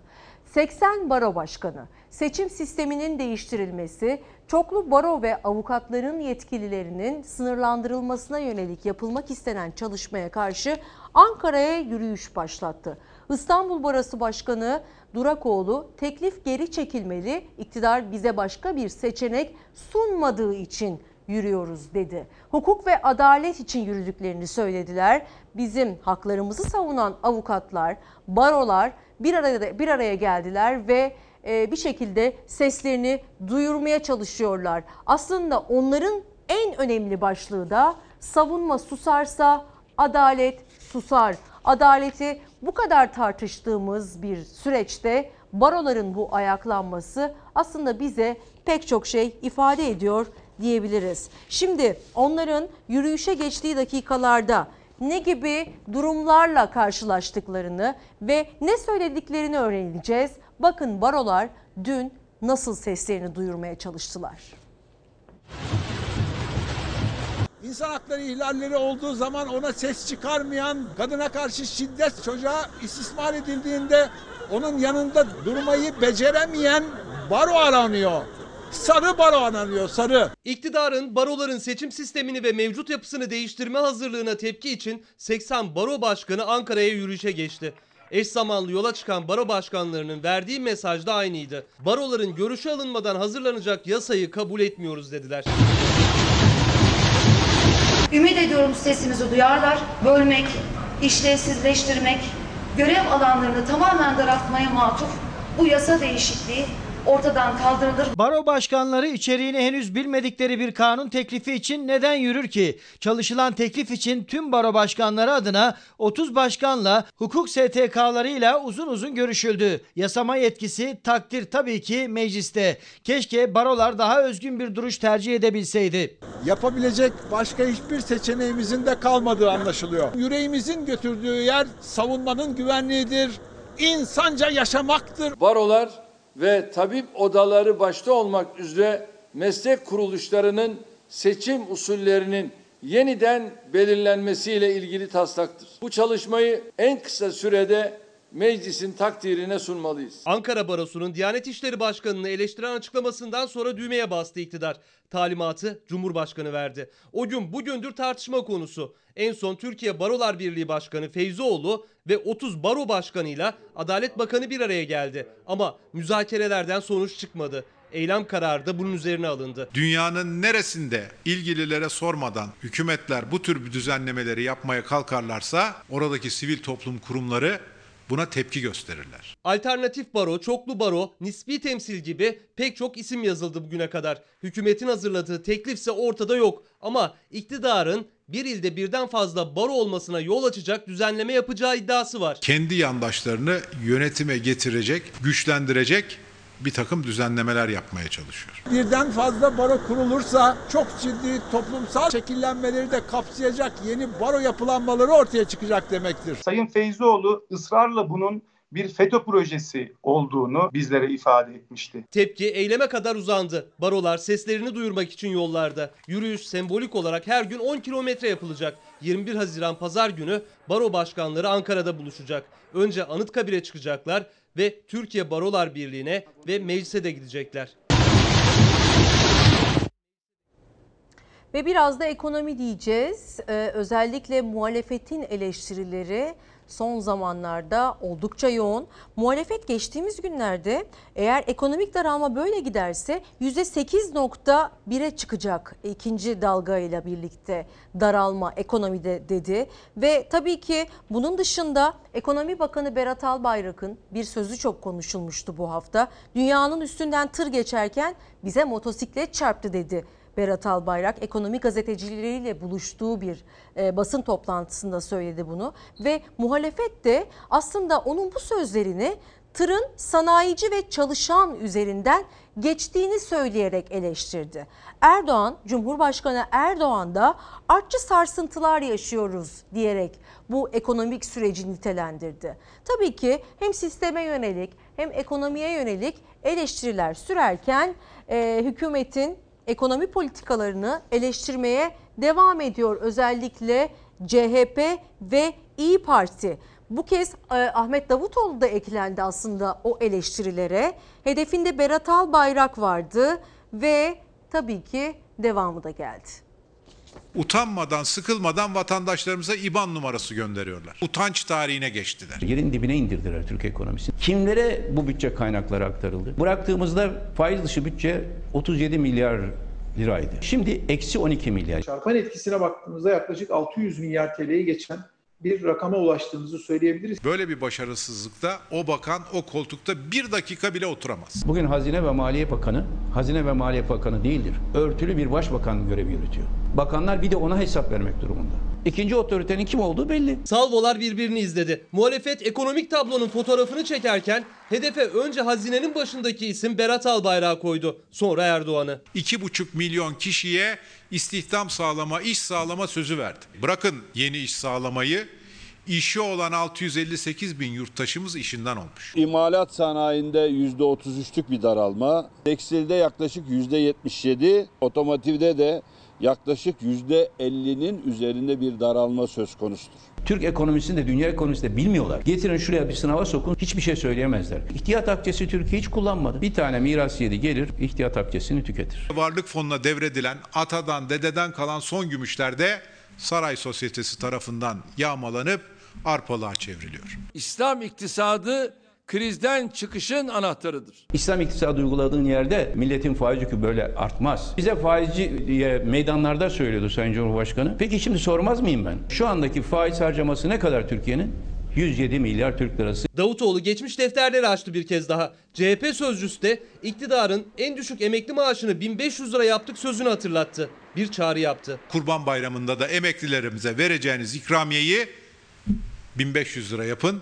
Milletimiz kurban kessin. Karar gazetesinde en önemli ekonomi başlıklarından biri var. Hemen sizle paylaşıyoruz. Karar değil, Korkusuz gazetesine geleceğiz. Korkusuz gazetesinde kıdem tazminatına e, kıdem tazminatı fona devredilirse binlerce çalışan iş bırakacak detayını görüyorsunuz. Dokunma kıdeme gideriz greve. Türk İş Başkanı e, Ergün Atalay'ın fotoğrafını görüyorsunuz. Türk İş kıdemde son noktayı koydu. Bak Başkan Atalay tamamlayıcı emeklilik sistemi yani TES gelirse genel grev olacaktır uyarısı yaptı. Kıdem tazminatının kaldırılıp yerine tamamlayıcı emeklilik sigortasının gündeme getirilmesi çalışma hayatını çok huzursuz etti. İşçi kesimi çok endişeli ve Türk İş Başkanı Ergün Atalay kıdem tazminatı işçinin yıllardır döktüğü terin bir ömür karşılığı fona devredil e, fona devredilirse genel greve gideriz dedi. Tabii ki diğer sendikalar da ses yükseltti. Kırmızı çizgimiz demişti ama disk başkanı özellikle Cumhurbaşkanı Erdoğan'ın yapmış olduğu sendika temsilcileriyle yapmış olduğu toplantıya davet edilmemişti. Erdoğan temsilciler ve sendikacılarla e, buluşmuştu geçtiğimiz günlerde. Türk İş tazminat son kalemiz dedi. E, diğer e, Sendikalar da bu konuyla ilgili görüşlerini dile getirdi ama ortak görüş olarak aslında şunu söyleyebiliriz. Hem işçi cephesinden hem sendika cephesinden yeni sisteme karşı oldukça sert bir duruş olduğunu söyleyebiliriz. Son kalemizden diye bu test meselesi oldukça e, zorlayıcı bir mesele olacak gibi görünüyor. Peki yeniden düzenlenmesi halinde işçi hak kaybına uğrama endişesi yaşarken gerçekten de acaba sendikalar ne düşünüyor? Kıdem tazminatı hangi şekilde parlamento gündemine gelirse gelsin meclis başkanlığına iletildiği andan itibaren ertesi gün biz örgütlü olduğumuz bütün iş yerlerde üretimi durdururuz. Sokaklara çıkarız. İşçinin kefen param dediği kıdem tazminatının tamamlayıcı emeklilik sistemi kapsamında yeniden düzenlenmesi tartışılıyor. Türk İş'e bağlı Tek Gıda İş Sendikası'nın kıdem tazminatı konusundaki tavrı ise net. Kıdem tazminatı işçinin de sendikaların da kırmızı çizgisi. Daha önce işçi ve işveren arasında tam mütabakat aranırken kulislere göre hükümetse bu kez daha kararlı. İşçilere, emekçilere ölümü gösterirken sıtma olarak göstereceği ve razı edeceği şey ne? Biz merakla bunu bekliyoruz şimdi. Kaldı ki biz işçi sendikaları olarak yıllardır kıdem tazminatını bir genel görev nedeni olarak sayacağımızı defalarca söyledik. Sendikalar işçinin kazanılmış hakkını kaybetmemesi ve işe yeni başlayacakların iş güvencesinden mahrum kalmaması için son sözü söyledi. Mevcut sistemde kıdem tazminatı işçiye işten ayrıldığı tarihteki ücreti üzerinden ve çalıştığı her yıla karşılık 30 günlük brüt ücret kadar ödeniyor. Eğer tamamlayıcı emeklilik sistemi düzenlemesine geçilirse işçi bu hakkını kaybedecek. Çünkü çalıştığı her yıla karşılık 30 gün değil 19 gün üzerinden hesaplanacak tazminatı. Geri kalan 11 günse tamamlayıcı emeklilik sistemine aktarılacak. İşte burada akıllardaki soru mevcut çalışanların emekliliğinin nasıl hesaplanacağı. Öncelikle yasanın 1 Ocak 2022 yılında yürürlüğe girmesi planlanıyor. Çalışanın işe giriş tarihinden o tarihe kadar çalıştığı süre boyunca kıdemi yıllık 30 gün üzerinden hesaplanacak. O tarihten sonra emekliliğe hak kazandığı güne kadarsa 19 gün üzerinden. Bu da 2022 yılından emekliliğine kadar çalıştığı süreye göre hak kaybına uğraması anlamına geliyor. 13 tane seçenek de koysanız biz işçiler ve onların örgütlü gücü sendikalar kıdem tazminatını koruma kararımızı ortaya koyuyoruz. Seçeneklere kapalıyız. Her ne kadar geri kalan 11 gün işveren TES'e para da aktarsa çalışan o parayı 60 yaşından sonra emekli maaşında görecek. Sendikalar kıdem tazminatından yararlanamayanlar var şeklindeki gerekçeyi kabul etmiyor. Formülleri net. Kıdem tazminatından yararlanamayanlar için kıdem tazminatı garanti fonu diye bir fon kurarsınız. Herkesin yararlanmasını sağlarsınız. Gelecekteki çocuklarımıza ait olan bir haktan vazgeçmeye asla izin vermeyiz. İşçinin işten çıkarıldığında tek güvencesi olan kıdem tazminatı. Biz de buradan kıdem tazminatına dokunmayın duyurusunu kendi gönlümden geçen e, meseleyi ben de buradan duyurmuş olayım efendim. Karar gazetesinden bir detay geliyor. Diploma var, iş yok. Ekonomideki sıkıntılı tablo salgınla artarken Haziran ayı işsizlik verileri gençlerin hem işini hem umudunu kaybettiğini gösterdi. Ne çalışan ne de okuyan üniversiteliler 1.2 milyonla rekor kırdı. Aslında onlar ev gençleri. Genç İşsizler Platformu'nun TÜİK ve İşkur rakamlarına dayanarak oluşturduğu rapor çözüm bekleyen yakıcı meseleyi yansıttı. Ekonomik kriz sürecinde 15 ila 34 yaş grubu genç işsiz sayısı 726 bin kişi arttı. En yüksek işsizlik oranı %20.3 ile lise ve denge okul mezunlarında gerçekleşti. 707 bin üniversite mezunu işsize ek olarak ne çalışan ne de okuyan mezunların sayısı 1 milyon 272 binle rekor düzeye çıktı. 15 ila 34 yaş grubu iş gücündeki üniversite mezunu oranı istikrarlı artışla %34.2'ye ulaştı. Sadece e, resmi rakamlar, kayıt altında olanlar, Türk TÜİK ve İşkur'un bu rakamları. Bir de kayıt dışı olanlar olduğunu da vurgulamak gerekiyor. Bu arada e, maalesef bir araştırmada OECD'den, OECD'den geldi. Türkiye'de dünya ülkeler arasında bir numarada aslında birinci sırada ama bu ne yazık ki birinci olmamız bizim için bir artı değil. Çünkü OECD'ye göre ne eğitim gören ne çalışan gençlerin oranı Türkiye'de bu. Ve Türkiye şu anda %26'lık oranla 48 ülke arasında ne okuyan ne de çalışan gençlerin bir numarada olduğu ülke. Korona dolayısıyla mı işsiz kaldınız? Evet yani şu an bizim satan iş yerimiz se- lokanta sektörü olduğu için bizi işten çıkarttılar direkt. Yani e, okuyamadık, okum durumumuz yoktu. Ok- Üniversite mezunu olsam sonra burada işim yok. Gider muhasebeci olurum, gider başka bir şey olurum. Şey- Yani olurum bir şeyler yani. Çünkü niye? Gerçi üniversite mezunları da geliyor buraya. Çoğu da geliyor. Aynı onlar da işte bulamıyor. Yani iş sıkıntımız Allah ne bileyim yani sonumuz hayır etsin. Ekonomik zorluklar nedeniyle eğitimi bıraktı, işe başladı. Düşük ücretli, çoğu zaman güvencesiz işlerin ardından hep işsizlik gerçeğiyle karşılaştı. Koronavirüs salgını da işsizlik olarak döndü Sinan Usa. Onun yaşadıkları OECD raporlarına yansıdı. Ekonomik Kalkınma ve İşbirliği Örgütü 48 ülkede Covid-19 sürecindeki genç işsizliğini araştırdı. Ne çalışan ne de eğitim gören gençler sıralamasında Türkiye birinci. Bakıyoruz, her yere gidiyoruz. İş başvurusu yapıyoruz. Ararız diyorlar, aramıyorlar. Yani hep bekleyişteyiz. OECD'ye göre Türkiye'de 15-24 yaş grubundaki gençlerin %26'sı okumuyor da, çalışmıyor da ve bu oran 48 ülke arasındaki en yüksek oran. Yani çalışıyorum ama e, turist yok yani. Turist olmadığı zaman benim de git- gitmeye şeyim yok yani. Korona vurdu sizi Evet. de. 3 aydan beri evdeyim. Kaç yaşındasınız? 22. Çalıştım, çabaladım da işi bitince özel sektör çıkardılar. Ne Oraya kadar süredir iş arıyorsunuz? Ben mi? Ha- Hatırlamıyorum ki.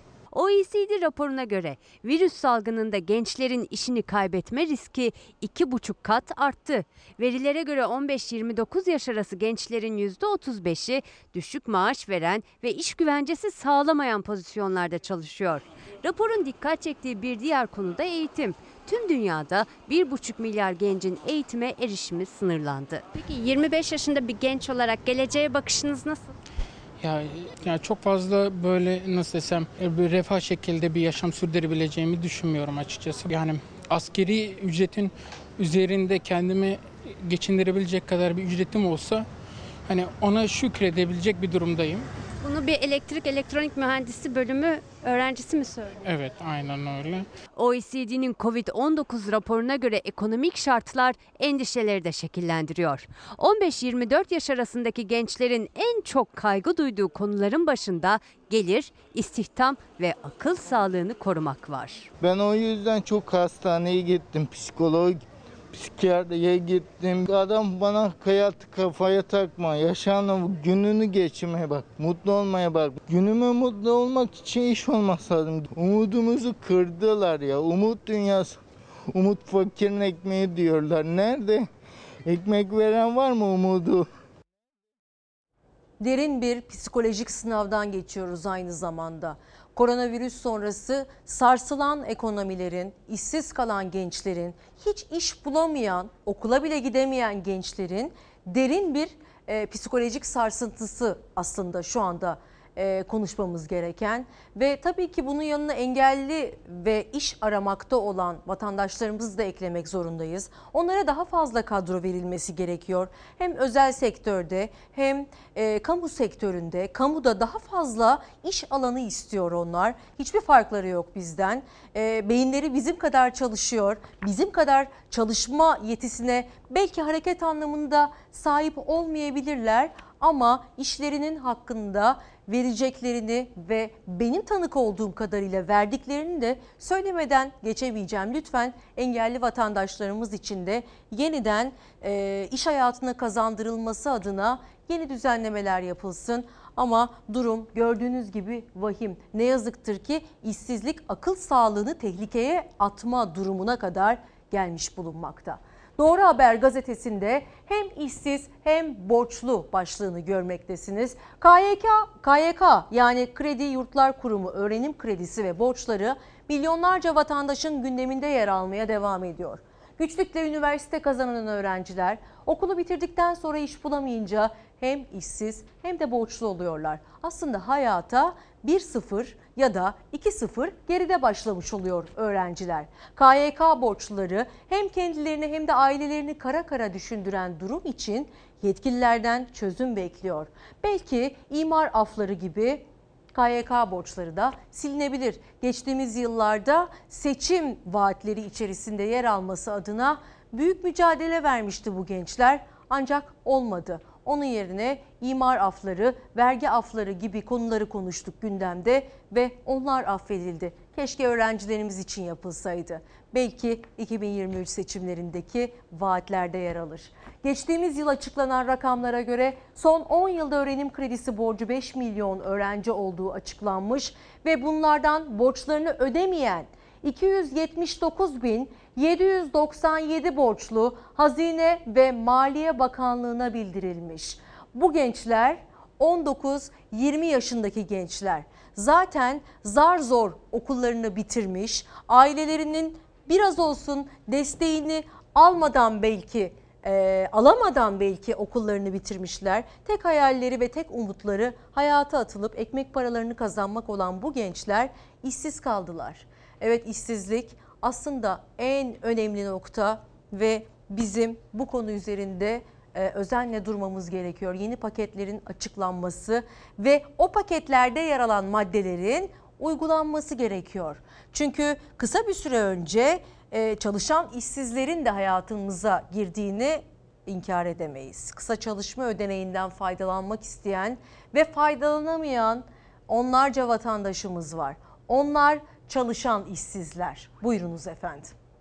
Hak ettiğimiz maaşı vermedikleri için şu an çok zor durumdayım ben. Benim çocuğum hasta. Gittim bankadan kredi çektim. Makine aldım çocuğum için. Ne kadar o cihaz? O cihaz 10, 10 milyar abla. Şimdi onu nasıl ödeyeceğim, nasıl edeceğim bilmiyorum. 9 aylık bebeğini makineyle yaşatabilmek için kredi çeken Sait Ali Olga gibi borcunu kirasını ödemek, geçinebilmek için hiç geliri olmayan 330 kişi daha var. Hacettepe Üniversitesi sosyal tesis çalışanları 3 aydır kısa çalışma ödeneğini alabilmek için mücadele veriyor. 70 günü aşan bir sürede hiç paramız yatmadı. Kısa çalışma ödeneği iş yerini çalıştırabilecek durumda olmayan işverenlerin işçileri için başvurduğu bir ödenek.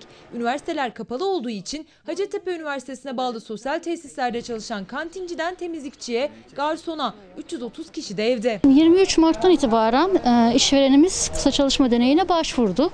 1 e, Nisan itibariyle de aslında onaylandı. Çalışma Bakanı her fırsatta altını çizerek vurguluyor. Yaklaşık 3,5 milyon işçiye kısa çalışma ödeneği ödendi diyor ama onların arasında kamuya bağlı iş yerlerinde çalışan 4 aldı işçiler yok. Ordu Evi Sosyal Tesisleri olsun, İstanbul Üniversitesi Sosyal Tesisleri, Boğaziçi Üniversitesi Sosyal Tesisleri, öğretmenler evleri. Onlar ne kadrolu çalışan ne taşeronlar, ne işsizler ne de pandemi sürecinde çalışabiliyorlar. Aslında kısa çalışma ödeneği çıkmış görünüyor ama sadece kağıt üzerinde. 4 aldı yani üniversitede çalışan sözleşmeli personelden birinin e-devlet dökümü. Nisan'dan Temmuz'a 3 ay boyunca alacağı rakam bile belli. Asgari ücretten çok daha az 1913 lira ama o da ödenmedi. Nedenini öğrenmek isteyen işçiler hangi kapıyı çalsa sonuç alamadı. İşkur'a gittiğimiz zaman Çalışma Bakanlığı'nda müfettişte deniliyor. Müfettişe gittiğimiz zaman ben raporumu olumlu hazırladım birkaç gün sonra İşkur'a göndereceğim diyor. Kısa çalışma ödeneği bir devlet desteği sayılmaz. İşsizlik fonunu kullanıyorlar. Bugünler için işsizlik fonuna her ay maaşından prim kesilen işçilerin yardım istediği hukukçular bile duruma şaşkın. Cumhurbaşkanına dahi dosya sunduk. Buna rağmen şu ana kadar herhangi bir sonuç alamadık. Henüz hiç destek alamayanlar varken hükumet kısa çalışma ödeneğini normalleşmeyle birlikte bitirdiğini açıkladı. Tabii ki burada 3 aylık bir sınırlandırmalar var ama bunlar yenilenerek gidilir. Yenilenerek gidilmeli. 80 lira elektrik faturam geldi ve bakınca kara kara düşündüm yani. Hiçbir geliri olmayan işçiler şimdi kara kara ne yapacaklarını düşünüyorlar. Bankalar kredilerini isteyecek. Şu an benim 7 bin lira borcum var. Eşten, dosttan, akrabadan ne kadar e, geldiyse onunla idare ettik hani bu aya kadar ama artık o da bitti yani o da tükendi. İşsiz gençlerimizden biri az önce benimle bir mesaj paylaştı. Bakın hemen onun e, durumunu sizlerle paylaşmak istiyorum. Dilara Hanım diyor ki 4 sene Marmara Üniversitesi İşletme Fakültesinde okudum. 2018 mezunuyum ve hala iş bulamadım. Bu hayattan ben nasıl keyif alabilirim diyor. Evet bu hayatta nasıl umutlu bakabilir bu gençler? Ve ne yazık ki bu süreçte bizler yeni yeni terimlerle tanışacağız. Ev gençleri gibi sevgili Meliha Okur bu terimi kazandırdı. Ee, ev gençleri gibi, çalışan işsizler gibi değişik bir süreçten geçiyoruz ve kimse bir şekilde sesini duymuyor aslında o insanların. Yani 3 aydır çalışan, işsiz kalmayan ve bunun karşılığında herhangi bir ücret de almayan insan topluluğuna, insanlarımıza bir an evvel el atılması gerekiyor. Hafta içi bir e, eylem de gerçekleştirmişlerdi onlar. Ancak herhangi bir şey değişmedi. 3 aydır tek kuruş almayan ve yaşamaya çalışan, bu hayat pahalılığında yaşamaya çalışan onlarca, binlerce insanımız var. İşsiz gençlerimiz gibi. Evet, Hilal'cim bir gazetemiz daha vardı aslında ama onu sonra paylaşayım. Şöyle ki sevgili izleyiciler filtre zorunluluğu getirildi biliyorsunuz ki termik santrallere. E, 6 fabrika termik santrallerdeki bu değişiklikle alakalı yüksek yatırımlarla yeniden işletmeye başladı 6 fabrika.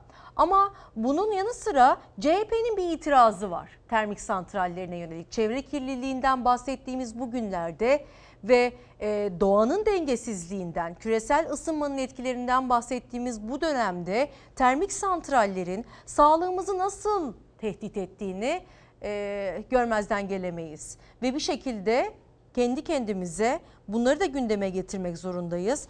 Hmm, CHP'nin iddiası şu, filtrelerde yolsuzluk mu var diyor CHP. Mevzuata uygun şekliyle santrallerimiz yaklaşık 142 milyon değerinde yatırım yaptılar. Çevre ve Şehircilik Bakanı Murat Kurum'un açıklamaları ve Sayıştay raporları karşılaştırıldığında nereden baksak tutarsızlık, nereden baksak usulsüzlük, nereden baksak yolsuzluk var. Çevre ve Şehircilik Bakanı Murat Kurum yılbaşında kapatılan termik santrallerin 142 milyon liralık bir maliyetle filtrelerini taktırdıklarını ve yeniden faaliyetlerine başladıklarını açıkladı. Ancak 2020 yılında 6 santralin 14 ünitesine filtre taktırması için harcanan parayla tek bir santralin sadece 2 ünitesi için 2018 yılında aynı amaçla harcanan miktar karşılaştırıldığında kafalar karıştı. Sayıştay 2018 yılı raporlarına göre devlete ait olan 18 Mart Çan termik santralinin 2 ünitesi 289 milyon 444 bin TL. Arada büyük bir uçurum var. Çevre mevzuatına uygun hale gelmeleri için onlara süre tanımıştık. 6 santralin toplam 14 ünitesine filtre taktırma işlemleri için 142 milyon lira harcandığını duyurdu bakan kurum. Firmalar diyor ki biz filtreyi taktık diyorlar. Filtre falan yok hak getire yani. Şu anda Elbistan Kürbistan, Zeyristan durumunda yazıktır, günahtır. Termik santraller tartışması devam ederken CHP Zonguldak Milletvekili ve Meclis Kit Komisyonu üyesi Deniz Yavuz Yılmaz, Sayıştay raporlarından Çanakkale'deki Çan 18 Mart termik santrali ile ilgili çarpıcı rakamlara ulaştı. Ya sayın kurumun söylediği gibi 14 üniteye 142 milyon TL'ye bu baca gazı kükürt arıtma tesisleri standartlara uygun olarak kurulmadı ya da 18 Mart Çan Termik Santrali'nin 2 ünitesine 289 milyon 444 bin TL'ye kurulan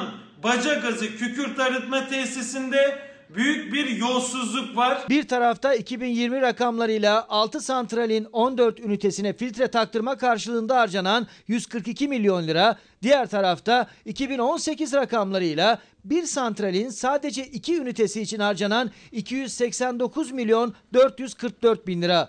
Deniz Yavuz Yılmaz rakamlar arasındaki farka dikkat çekip konuyu bir soru önergesiyle meclis gündemine taşıdı.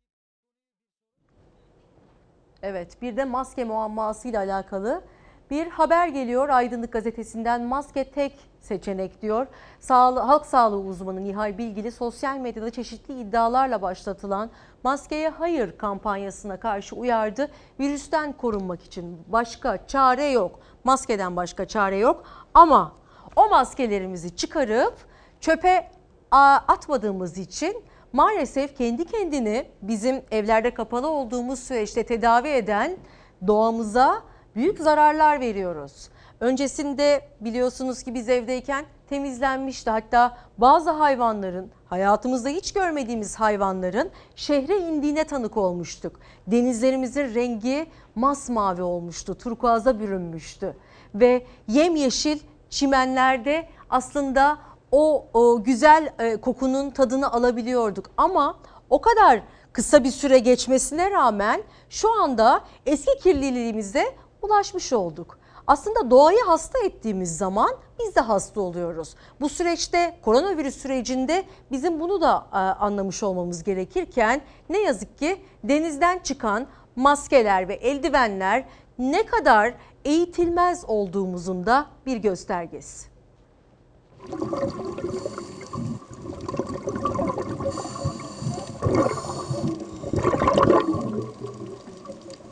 Denizlerin dibi maske ve eldiven doldu. Normalleşmeyle birlikte çevre kirliliği hızla geri döndü. Ama bu kez o kirliliğe gelişi güzel atılan maske ve eldivenler de eklendi. Evet, bizim burada bakın. Önceden bu kadar çok karşılaşmazdık biz bu malzemeyle. İşte bakın burada bir tane daha var. Koronavirüs salgınının en öğretici tarafıydı belki de. Doğanın bize ihtiyacı yoktu ama bizim ona vardı. Sokakların ıssızlaşması, trafik yoğunluğunun azalması ve fabrikaların kapanması sonrası tabiat kendini iyileştirmeye başladı. Hayvanlar daha mutluydu artık, kuşlar daha özgür, hava ve denizler de daha temiz. Ancak normalleşme adımlarıyla birlikte çevreye yönelik o hoyrat tavırda geri geldi. Bu sualtı görüntüleri Antalya'dan. Türkiye Sualtı Federasyonu'na bağlı dalgıçlar her yıl olduğu gibi bu yılda kirliliği belgelemek için denize daldı ve bu kez en çok maske ve eldivenle karşılaştılar.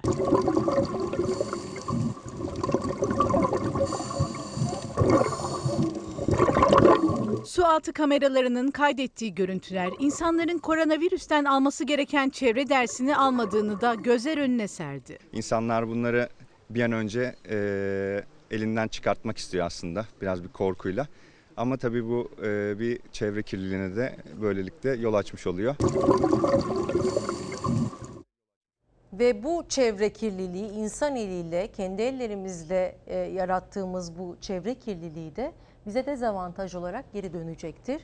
E, bizler o maskeleri ve eldivenleri kendimizi korumak adına yapıyoruz ama doğayı korumadığımız takdirde kendimizi de koruyamayacağımızı anlamış olmamız gerekirken bir kez daha e, maskelerimizi, eldivenlerimizi kullandıktan sonra güzel şekilde bağlayarak çöpe atmamız gerektiğini duyurmuş olalım. Lütfen bu konuda tedbirli olalım, eğitimli olalım, birbirimizi uyaralım. Gördüğümüzde e, dokunamıyorsak bile bir şekilde e, atan birini gördüğümüzde uyaralım tartışmadan. Bu önemli. Ve tabii ki ormanlarımız. Yaz geldiği zaman ormanlarımızda hep yangın çıkar. Bu sene çok e, önemli yangınlara tanık olmadık ama bunun önemlisi önemsizi de yok aslında. Ama geçtiğimiz yıl özellikle Haziran ayında Datça'da başlayan yangınla beraber bütün bir yaz boyunca ormanlarımızın cayır cayır yandığına tanık olduk. Buna dikkat çekmek için Orman Bakanlığı orman yangınları konusunda toplumsal bilinç oluşturmak için bir kampanya başlattı. Kampanyada 16 ünlü isim yer aldı ve hepsi yangınların önlenmesi konusunda uyarılarda bulundular. Bir klip hazırladılar. Sizler o klibi izlerken bir reklam arası vereceğiz. Bir dinlenme molası vereceğiz ve dönüşte mesajlarınıza daha çok yer vermeye gayret edeceğiz. Merve İldirim TV Twitter ve Instagram'dan yazabilirsiniz efendim ama haberi lütfen dikkatle izleyin. Lütfen geleceği yakma. Ormanda ateş ve duman gördüğün zaman Derhal 177 ara. Yangına hassas bölgelere ateşle yaklaşma. Geleceğimizi yakma. geleceğimizi yakma. Geleceğimizi yakma. Kamp ateşini Söndüğünden emin ol. Söndüğünden emin ol. Söndüğüne emin ol. Söndüğünden emin ol. emin ol. Yangına hassas bölgelerde ateş yakma. Yakma. Yakma. Yakma. Yanan izmaritini atma. Yanmasa da atma. Ormanda yangın ya da duman gördün mü? 177 ara. Lütfen geleceğimi yakma. Geleceğimi yakma. Geleceğini yakma. Geleceğimi yakma. Geleceğimi yakma. Lütfen geleceğimizi yakma. Geleceğimizi yakma. Geleceğimizi yakma. Geleceğini yakma. Türkiye'yi, memleketi, geleceğimizi yakmayın. Yeni uyananlar bir kez daha günaydın, sağlıklı sabahlar diliyoruz. Bugün günlerden cumartesi, tarihlerimiz 20 Haziran 2020'yi gösteriyor. Saat tam 10.28. Şu anda 15'e dek sokağa çıkma kısıtlaması devam ediyor. Liselere geçiş sınavı dolayısıyla öğrencilerimiz için biraz da tedbir amaçlı sokağa çıkmak yasak. Çıktığınız anda ceza ile karşılaşabilirsiniz. Ama 15'ten sonra da dışarı çıktığınızda eğer yanınızda maskeniz yoksa e, ceza kesilecek. Para cezasına çarptırabilir, çarptırılabilirsiniz. E, İstanbul'da 900 TL maskesiz açık alanda dolaşmanın cezası. Efendim devam ederken önce hava durumuna bakacağız ama önce bizim buraları göstermek istiyorum. Sizler evlerinizdeyken bizler kanalımızda sizlere haberleri ulaştırmaya çalışıyoruz. Ekip arkadaşlarımızla birlikte yönetmenim Hilal Allaç, Öznur Turaloğlu Seyhan ve Ebru Sağokur. Burada aslında benden söylemesi ekibinin şu anda Çalar Saat'teki çalışma sistemini görüyorsunuz. Sokaklar bomboş ve birazdan e, biraz daha boş kalmaya devam edecek. 15'e dek e, sokağa çıkma kısıtlamaları e, yüksek öğretim kurumları sınavı ve liselere geçiş sınavı dolayısıyla 27 ve 28 Haziran'da da devam edecek. Bazı kısıtlamalar var. Saatleri ilerleyen zamanlarda sizlerle de paylaşıyor olacağız. Şimdi dün İstanbul'da aralıksız yağmur yağdı ve tabii ki nasibini alan bölgelerde oldu. Sele dönüştü yağmur. Ne yazıktır ki beton İstanbul'un bedellerini ödemeye devam eden bölgelerimiz de oldu. İşte İstanbul'dan sel manzaraları. Hı.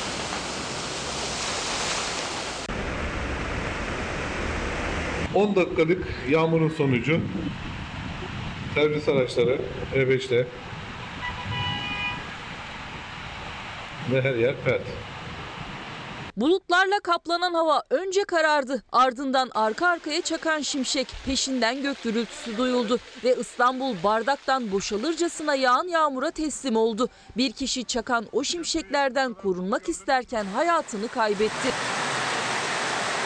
Büyükçekmece'de torunuyla birlikte yürüyüşe çıkan Doğan Erişek aniden bastıran yağmura sahilde yakalandı. Islanmamak için bir ağacın altına sığındı. Arka arkaya çakan şimşeklerden biri o ağaca isabet etti. Talihsiz adam yıldırım çarpması sonucu hayatını kaybetti. İstanbul'un birçok semtinde yağmurla beraber manzara seldi. Evet Bağcılar dere yolu. Papaz Deresi'ne mi diyorlar? Bağcılar'da Tavukçu Deresi taştı. Sarıyer ve Üsküdar'da yollar göle döndü. Balat'ta birçok ev ve iş yerini su bastı. Eminönü'nde esnaf dükkanlarından su boşalttı. Sürücüler Yeni Kapı alt geçidinden geçmekte zorlandı. D100 karayolunda selde ilerlemekte ısrar eden bir sürücünün motosikleti suya kapıldı. Gitti motor. Çık oradan. Çık oradan. Anadolu ve Avrupa yakasında birçok noktada aynı dakikalarda selle mücadele vardı. Basın ekspres yolu her yağmurda olduğu gibi yine suyla kaplandı. Meteoroloji uyarı üstüne uyarı yapıyor. Kuzey ve iç kesimler mevsim normallerine göre yağışlı bir Haziran ayı geçiriyor. Önümüzdeki hafta başına kadar kuzey, iç ve doğu kesimlerde gök gürültülü sağanak yağış etkili olacak. Zaman zaman yerel dolu yağışı, yıldırım ve yağış anında kuvvetli rüzgarda görülebilir. Özellikle Rize'de kuvvetli sağanak yağış beklendiğini duyurdu meteoroloji. Dikkatli ve tedbirli olmakta fayda var. Sıcaklıkların ise iç kesimlerde yağışlarla birlikte azalarak mevsim normallerinin 2 ila 4 derece altında seyretmesi bekleniyor. Her yağmurda sel manzaralarına tanık olmamız bir tesadüf değil. Aslında betonlaşmanın ve yetersiz altyapının bedelini ödüyoruz. Sadece İstanbul'da ödemiyoruz. Tüm yurt genelinde aynı şeyi söylememiz mümkün. Şimdi dün yağan aralıksız yağmurlar beraberinde diğer kentlerimizde de sellere dönüştü. Üstelik bir kadın az kalsın evinde sel suyunda boğuluyordu.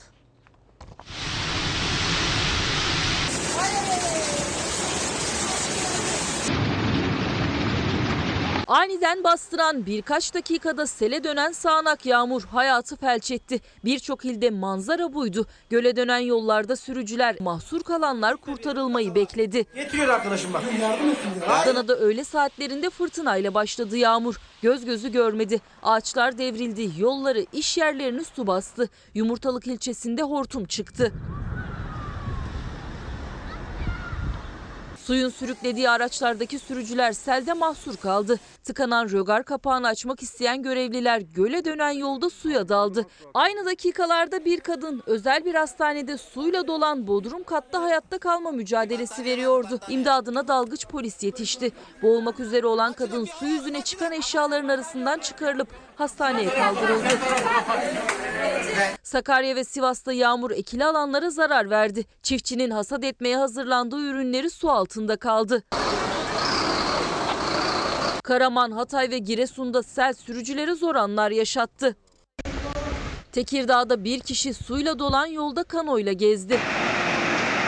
Çorum'da bir hastanenin yeni yapılan binasını su bastı. Bartın'daysa sele kapılan 6 büyükbaş hayvan telef oldu. Dünkü koronavirüs tablosunu da yani son sonuçları da sizlerle paylaşalım. Ee, 19 Haziran 2020 verileri bunlar. Bugünkü yani dünkü test sayısı 41.316 idi. Vaka sayısı 1214'tü ve iyileşen sayısı da 1494'tü. Vefat eden vatandaşımızın sayısı da 23'tü. Önemli olan şu rakamı sıfırlamak. Onun için mücadele veriyoruz. Ama tabii ki iyileşen sayısı vaka sayısını geçmeye devam ederken bu da umut verici. Evlerimizde kaldığımız, tedbirlere uyduğumuz sürece bu virüsle daha iyi baş edebildiğimizi kanıtlamış olduk. Bir izleyicimiz yazmış Yasemin Hanım. Maske takmak ne kadar önemliyse dezenfektan bence daha önemli diyor. Özellikle İstanbul gibi bir metropol şehirde binlerce insan dokunuyor aslında her yere. Başta ulaşım araçları olmak üzere yüzlerce mikrop yuvalarına, e, mikrop e, yuvalarına dokunarak sonra da o maskeyi indirip bir e, nefes almak adına aslında büyük efor sarf ediyoruz, mücadele ediyoruz. Şüpheliyim ama ellerimizi de temiz tutmak çok önemli diyor ki bu noktada aslında eldiven kullanımından çok kolonya ve dezenfektan kullanımının yaygınlaşması gerektiğini de vurgulamıştı bilim kurulu üyeleri ve diğer uzmanlar, Dünya Sağlık Örgütü temsilcileri. Yani minik bir kolonya ya da dezenfektanla ellerimizi eğer yıkayamıyorsak gün içinde sık sık dezenfekte etmeye devam etmek zorundayız ama e, ağzımızdan çıkardığımız, elimizden çıkardığımız o maske ve eldivenleri de denize ya da sokağa atmamalıyız efendim. Az önce izlediğiniz görüntüleri denizlerimizden dalgıçlar o mikroplu virüslü maskeleri belki de toplamak zorunda kalıyorlar. Hem doğayı hasta etmeyelim hem kendimizi hasta etmeyelim. Lütfen biraz daha sabır tekrar evlere kapanmamız hiç hoş olmaz diye düşünüyoruz. Şimdi sırada ne vardı Hilal? Evet şimdi aslında bize en büyük örneklerden biri gelecek. Bir doktor o bir hekim ve son anda son nefesinde koronavirüsle mücadele ederken görevini yapan bir doktor o. Öyle şeyler söyledi ki aslında hem yürek burkucu hem de durumun ciddiyetini anlayabileceğimiz, anlatabileceğimiz nitelikte bir video. O doktor bakın nefes almanın değerini nasıl anlattı. Şöyle söyledi, pişman olmamak için evde kalmaya devam edin dedi. Hastalık bitti sananlar. AVM'lere çıkanlar. Sakın kendinizi kandırmayın. Sakın kendinizi bu virüse öldürtmeyin. Nefes alamayarak sürünerek bin pişman olmamak için evinizde kalın. İşte fedakarlığın görüntüsü. Bir doktor ölümün kıyısında bile vazgeçmedi virüsle savaşmaktan. Bu görüntüleri de hayatını kaybetmeden hemen önce kaydetti. Zorla alabildiği nefesi yine koronavirüsle mücadele için harcadı. Yeni vakalar olmasın diye kullandı o nefesini. Evet, her saniyeniz böyle geçsin. Özellikle gece. Nefes alayım diye. Yalvarıyorsunuz. Oksijeniniz bitiyor. Başınız dönüyor. Genel cerrahi uzmanı Doktor Salih Cenap Çevli daha Türkiye'de vaka görülmeden önce almıştı bütün önlemlerini. Ama eşi Pınar Çevli ile birlikte yakalandılar ölümcül virüse. Eşi kurtuldu. Doktor Salih Cenap Çevli 27 Mayıs'ta hayata veda etti. Son kez telefon ekranından gördüler birbirlerini. Hastalık bitti sananlar. AVM'lere çıkanlar. Sakın kendinizi kandırmayın. Sakın kendinizi bu virüse öldürtmeyin. Son anında yanında olamayabilirsiniz. Günlerce göremeyebilirsiniz, dokunamayabilirsiniz. Ve bu e, eşiniz, anneniz, belki evladınız bile olabilir. Bunun şakası yok. İşte bu uyarılar bu tablonun daha kötüye gitmemesi için. 19 Haziran'da rakamlar 1214 yeni vaka sayısını gösterdi. 23 kişi hayatını kaybetti. İyileşen kişi sayısı ise 1494. Sağlık Bakanı Fahrettin Koca İstanbul ve Ankara'yı mutlu edecek haberle birlikte verdi rakamları. İki büyük ilde son bir haftanın en düşük vaka sayısına ulaşıldığını söyledi. Tedbirin karşılıklı olursa sonuç vereceğini de hatırlattı. Maske takmak zorunlu artık biliyorsunuz. Aa maskemizi unuttuk pardon pardon. Hemen takalım. Şimdi çıktık.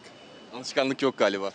Var var. Olacak inşallah. Daha daha çok olacak. İstanbul'da maskesiz sokağa çıkmak yasak. Çoğu kişi de zaten bunun farkında. Ama bazıları maskeyi yanlış kullanıyor. Ya cebinde taşıyor ya burnunu açık bırakıyor ya da maskeyi çenesinin altına takıyor. Bu da riski arttırıyor. Maskem vardı evde unuttum. Markete geldim. Markete kadar almadılar içeriye. Ondan markete almaya çıktım. İstanbul'da maske takmamanın cezası da belli oldu. İl Hıfzı Sıha Kurulu kararıyla pazartesiden itibaren 900 lira ceza kesilecek. Ama asıl cezayı o maske takmayanlar belki de bir başkasına ödetiyor. Virüsü taşıdığını bilmeden başkalarına bulaştırıp belki de ölümüne neden olarak. İşte o acıyı yaşayan Pınar Çevli bir kez daha uyardı. Bunun şakası yok. Görüyorsunuz o sayılardan bir tanesi bir gün siz oluyorsunuz. Bu arada az önce e, sel sularında e, boğulmak üzere kurtarılan bir kadını paylaşmıştık. Evinde değil hastanede yaşandı o görüntüler. Böyle ufak bir hata yapmış olduk ki daha büyük bir skandal. Aslında hastanelerin altyapısının yetersizliğinin olduğunun bir göstergesi. Geçtiğimiz günlerde Şişli Etfal Hastanesi'ne gitmek durumundaydım. Ee, bir yakınım rahatsızlandığı için ve o kadar üzüldüm ki oradaki nitelikli doktorlarımız ve nitelikli sağlık çalışanlarımızın canla başla mücadele verdiği bu süreçte öyle eski, öyle bakımsız bir binada olması beni çok üzdü ve utandırdı. Buradan da sevgili Sağlık Bakanımıza duyurmuş olalım. Hem Cerrahpaşa'da hem e, diğer devlet hastanelerimizde yenilenmenin ve yeni e, yapılanmanın olması gerektiğini de bir kez daha hatırlatmış olalım.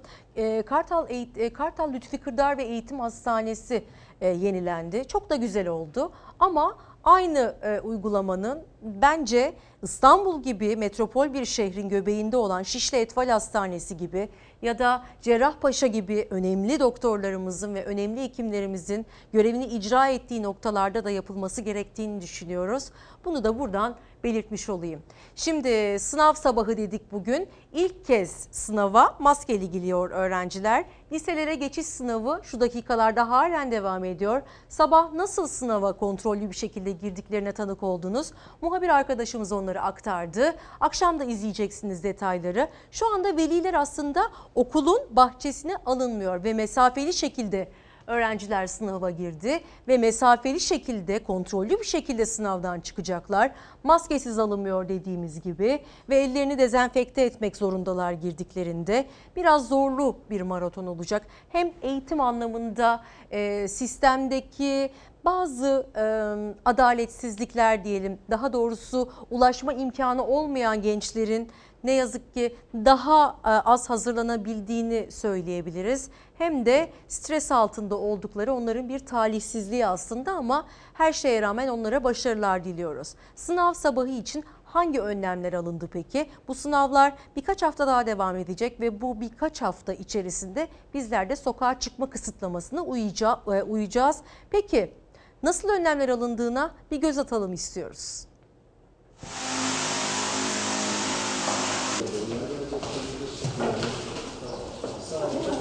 Ortalama 1 milyon 700 bin öğrenci bugün liselere geçiş sınavında ter döküyor. Bu yıl soruların stresine bir de virüs endişesi eklendi. Ama okulların sınav için hazırlığı tamam. Öğrenciler okul içinde ve dışında önlemlerle karşılandı. 2012-2013 eğitim ve öğretim yılında sistem değişmiş 4 artı 4 artı 4 sistemine geçilmişti. O gün 66 aylık olup okula başlayanlar artık 8. sınıf ve bugün liselere geçiş sınavına girecekler. Yeni sistemin ilk öğrencileri için LGS de diğer yıllardan farklı oldu. Dünyayı kasıp kavuran koronavirüs salgınının gölgesinde maske, sosyal mesafe ve hijyene dikkat ederek girdiler sınava. Okullarda günlerdir dezenfekte çalışmaları sürüyordu. Pek çok ilde de çocukları mutlu edecek sürprizler yapıldı. Isparta İl Milli Eğitim Müdürü Ömer Yılmaz sınava girecek öğrencileri tek tek aradı, başarılar diledi. Nevşehir Belediye Başkanı Rasim Arı öğrencilere karpuz dağıttı. İstanbul Valisi Ali Yerlikaya da sosyal medyadan yaptığı paylaşımla başarı temennisinde bulundu. Emeklerinizin karşılığını inşallah en güzel şekilde alacaksınız. Hepinize başarılar diliyorum. Hemen her sınav öncesi görmeye alıştığımız türbe ziyaretleri bu kez biraz farklıydı. İstanbul Bakırköy'deki Zuhurat Baba Türbesi yine ziyaretçi akınına uğradı. Öğrenciler, veliler sağanak yağmura rağmen dua etti. Ama dua etmek için sıra beklerken sosyal mesafeye dikkat etmek zorunda kaldılar. Bütün bir sene çalıştılar. Bekliyorum. Verimli olmalarını bekliyorum. İnşallah hayırlısıyla kazanmalarını istiyorum. Sınavın ilk oturumu 9.30'da başladı. İkinci oturum 11.30'da başlayacak. İmtihana giren öğrenciler 9 itibariyle içeriye sırayla alındı. Okula girişle birlikte önce geldikleri maskeler alındı, yerine yenisi verildi. Her biri ellerini dezenfekte etti. Sosyal mesafenin korunması içinse tek kişilik sıralarda oturacaklar. Öğrenci olmak zor Türkiye'de ama koronavirüs dolayısıyla bu kez biraz daha zorlandılar. Ee, herkese geçmiş olsun şimdiden. Eğer yetiştirebilirsek onların çıktıklarındaki duygularını da sizlerle paylaşacağız. Nasıl bir deneyimdi acaba onlar için? Tarihe geçecek bir sınav olacağı gerçek. Ee, aynı zamanda fedakar öğretmenlerimizi de atlamamak istiyorum. Bir öğretmen aslında bir insanın hayatını değiştirebilir. Ee, ilkokul öğretmeni, lise öğretmeni gidişat da değiştirebilir. Mardin'de Nusaybin ilçesinde böyle bir öğretmen var. Öğrencilerini düşünen bir öğretmen. Eğitimleri aksamasın diye o askıda ödev uygulamasını başlattı. Diğer öğretmenlere de örnek olabilecek bir yöntem aslında. Tam gidersen var yâre Virüs nedeniyle öğrencilerinden uzak kalan öğretmen askıda ödev sistemi kurdu. Telefonların çekmediği, internetin olmadığı köyde iletişim pencere kenarındaki ödevlerle kuruluyor. Evimizde internet çekmediği için e, okuldan gelip ödevlerimizi arıyoruz. Öğretmen bugün bize ödevlerimizi verdi ve bize oyuncak verdi. Ona çok teşekkür ediyorum. Gördüğünüz gibi askıda ödevimiz bugünlük bu şekilde. Benim öğrenciler benim buraya geldiğimi e, gördükten sonra tek tek yavaş yavaş geliyorlar ve buradan ödevlerini, hediyelerini e, alıp eski ödevlerini de kontrol ettiriyorlar bana. Mardin'in Nusaybin ilçesinde öğretmen Sinan Alp telefonun çekmediği, internetin olmadığı Kalecik köyünde öğrencilerine pandemi sürecinde askıda ödev uygulamasıyla ders verdi. EBA TV'de gördükleri derslerin e, hepsini e, gün gün planlayarak kendi etkinliklerimi oluşturdum. Güzelce e, etkinlikleri hazırladım, geldim okula. E, bizim penceremize ilk başta, ilk hafta e, pencereye sadece bir poşet dosyasının içine ödev koyarak bir denemek istedim. Her gün ilçedeki evinden köye geliyor Sinan öğretmen. Bu süreç zaten zor şartlarda okumaya çalışan öğrencilerinin eğitimlerini etkilemesin diye ödevlerini bazen de onları mutlu edecek minik hediyeleri, tatlıları bırakıyor cama. O sınıftayken gelen öğrencileriyle uzaktan sohbet edebiliyor. Onu kaçıranlar ödevlerini alıp ertesi gün bırakmak üzere uzaklaşıyor. Miraç, hoş geldin. Nasılsın oğlum? Nasıl gidiyor? Öğrencilerime haber verdim. Ee, benim arabayı gördükten sonra ben gidince ödevlerinizi alabilirsiniz oradan diye. Baktım çocukların hepsi keyifle almaya başladı ve onları alınca ben bunu devam ettirmeye başladım. Salgın başlar başlamaz öğrencilerine hijyen sağlamayı, mesafeli selamlaşmayı öğreten Sinan Alp de öğrencileri de bu sürecin bir an önce bitmesini, sınıflarına kavuşmayı bekliyor.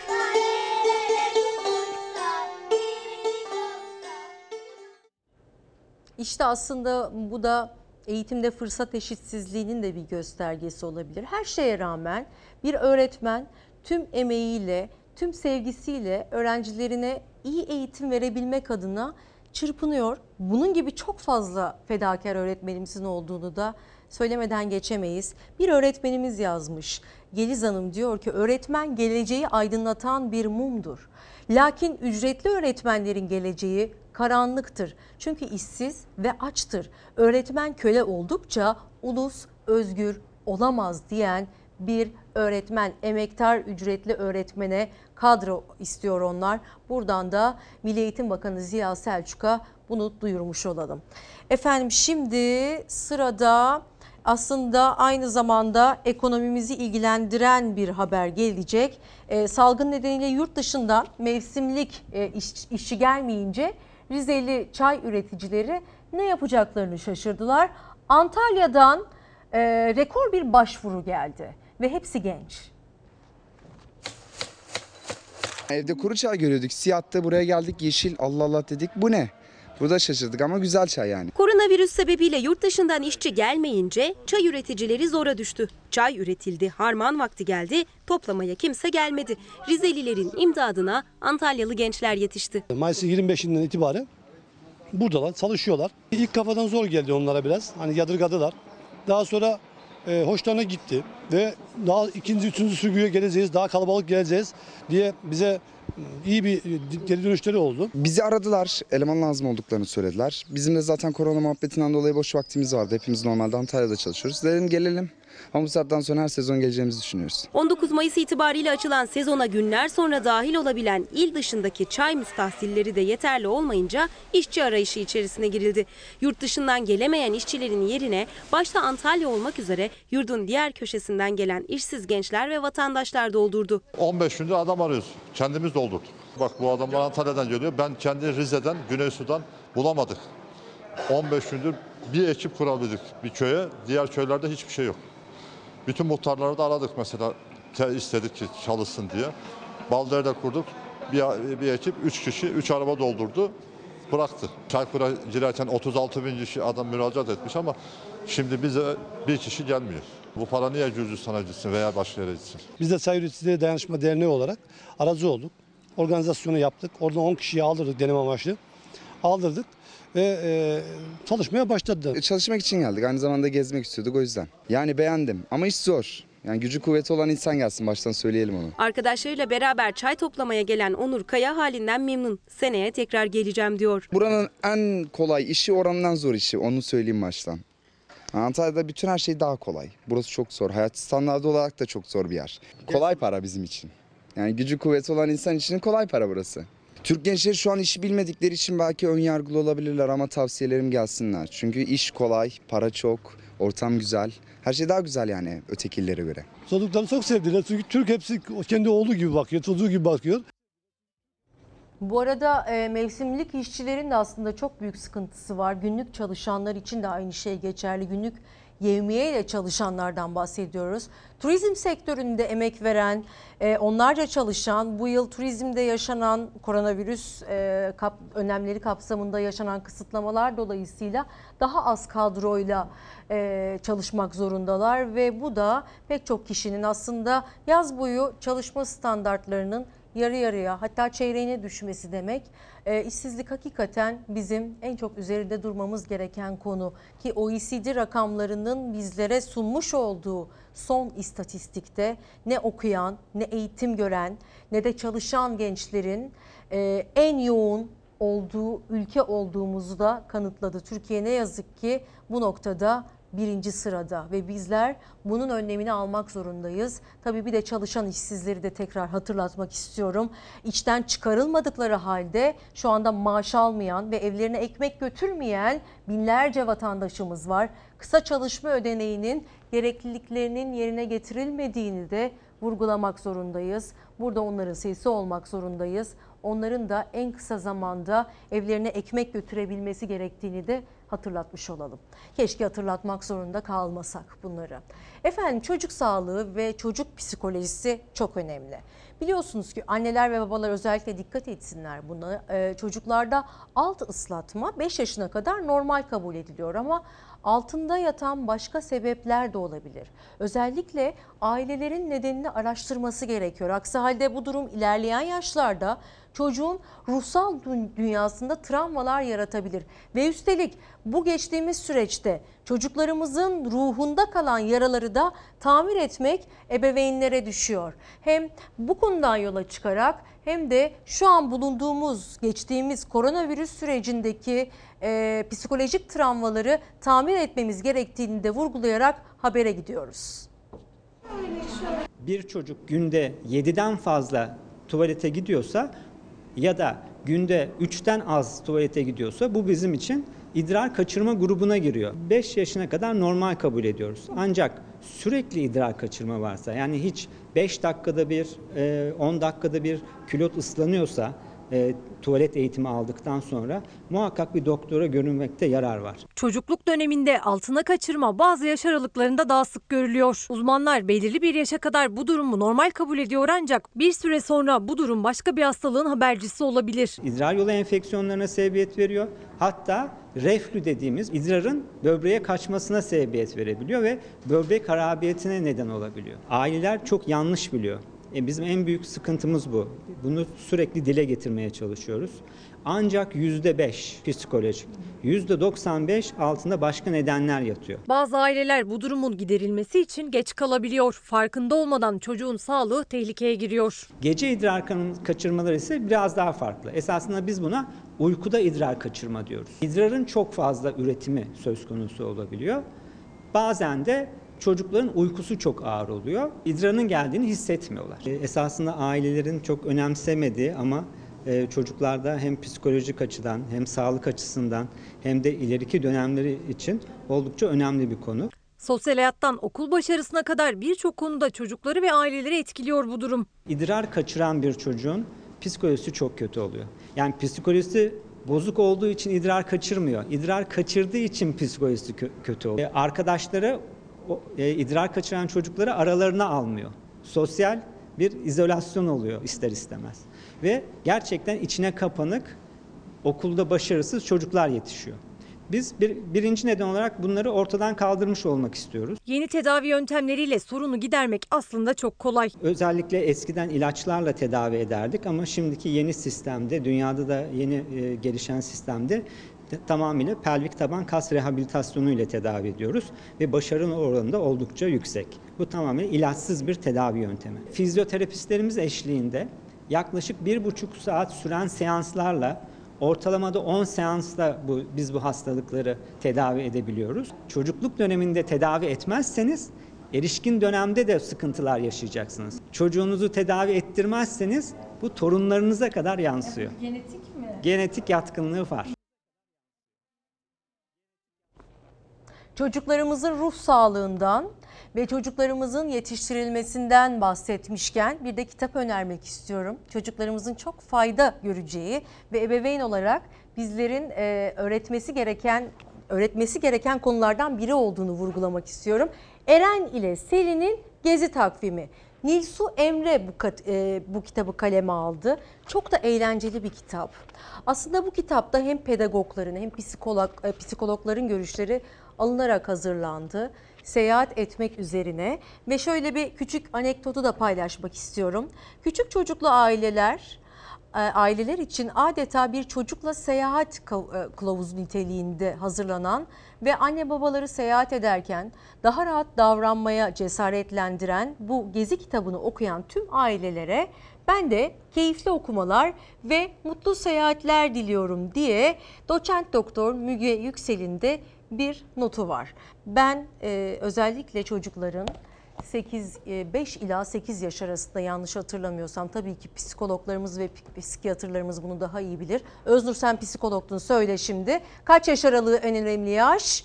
Ee, her yaş önemli diyor ama özellikle özellikle kaçla kaç? 0-6 yaş arası çok önemli. Travma bırakmamamız gerekiyor çocuklarımızın üzerinde. Ufacık bir kelimeden bile bütün hayatını etkileyebileceğimiz e, durumlara yol açabiliriz. Lütfen çocuklarımızı psikolojik anlamda iyi yetiştirmeye gayret edelim ki ben bunun aynı zamanda kendi psikolojik terapilerimizle e, olabileceğine inananlardayım. İnananlardanım. Önce kendi psikolojimizi koruyacağız ve sonrasında da çocuklarımızı iyi yetiştireceğiz. Eğer herhangi bir maddi e, geliriniz yoksa ve psikoterapi çünkü biraz bazı bütçeleri zorlayabilen bir sektör ve zorlayabilen bir tedavi yöntemi. Bunun için bir duyuru yapmak istiyorum. Rehberlik ve psikolojik danışmanlık mezunlarından psikolojik danışmanlık alma ihtiyacı duyan ve buna bütçesi olmayan çocuk, ergen ve yetişkin bireylere ücretsiz online danışman hizmeti sunulacaktır. Kim sunacak? Ee, Instagram'a giriyorsunuz, et işareti yapıyorsunuz. P, H, İ hareketi yazıyorsunuz ve orada eğitimini tamamlamış olan uzmanlarla iletişime geçip psikoterapilere ve e, rehberlik danışma, e, danışmalarına başlayabiliyorsunuz. Böyle harika bir proje var. Önemli duyurmak istedim. Ücretsiz psikolojik danışmanlık için iletişime geçebilirsiniz. Merve İldirim TV Twitter ve Instagram hesabından da paylaştım. Girip bakabilirsiniz Instagram'dan. Aydınlık Gazetesi'nden yola çıkarak söylemek istiyorum bir kez daha. Çünkü bence günün en önemli haberi. Ee, ben bir kadın olarak böyle düşünüyorum.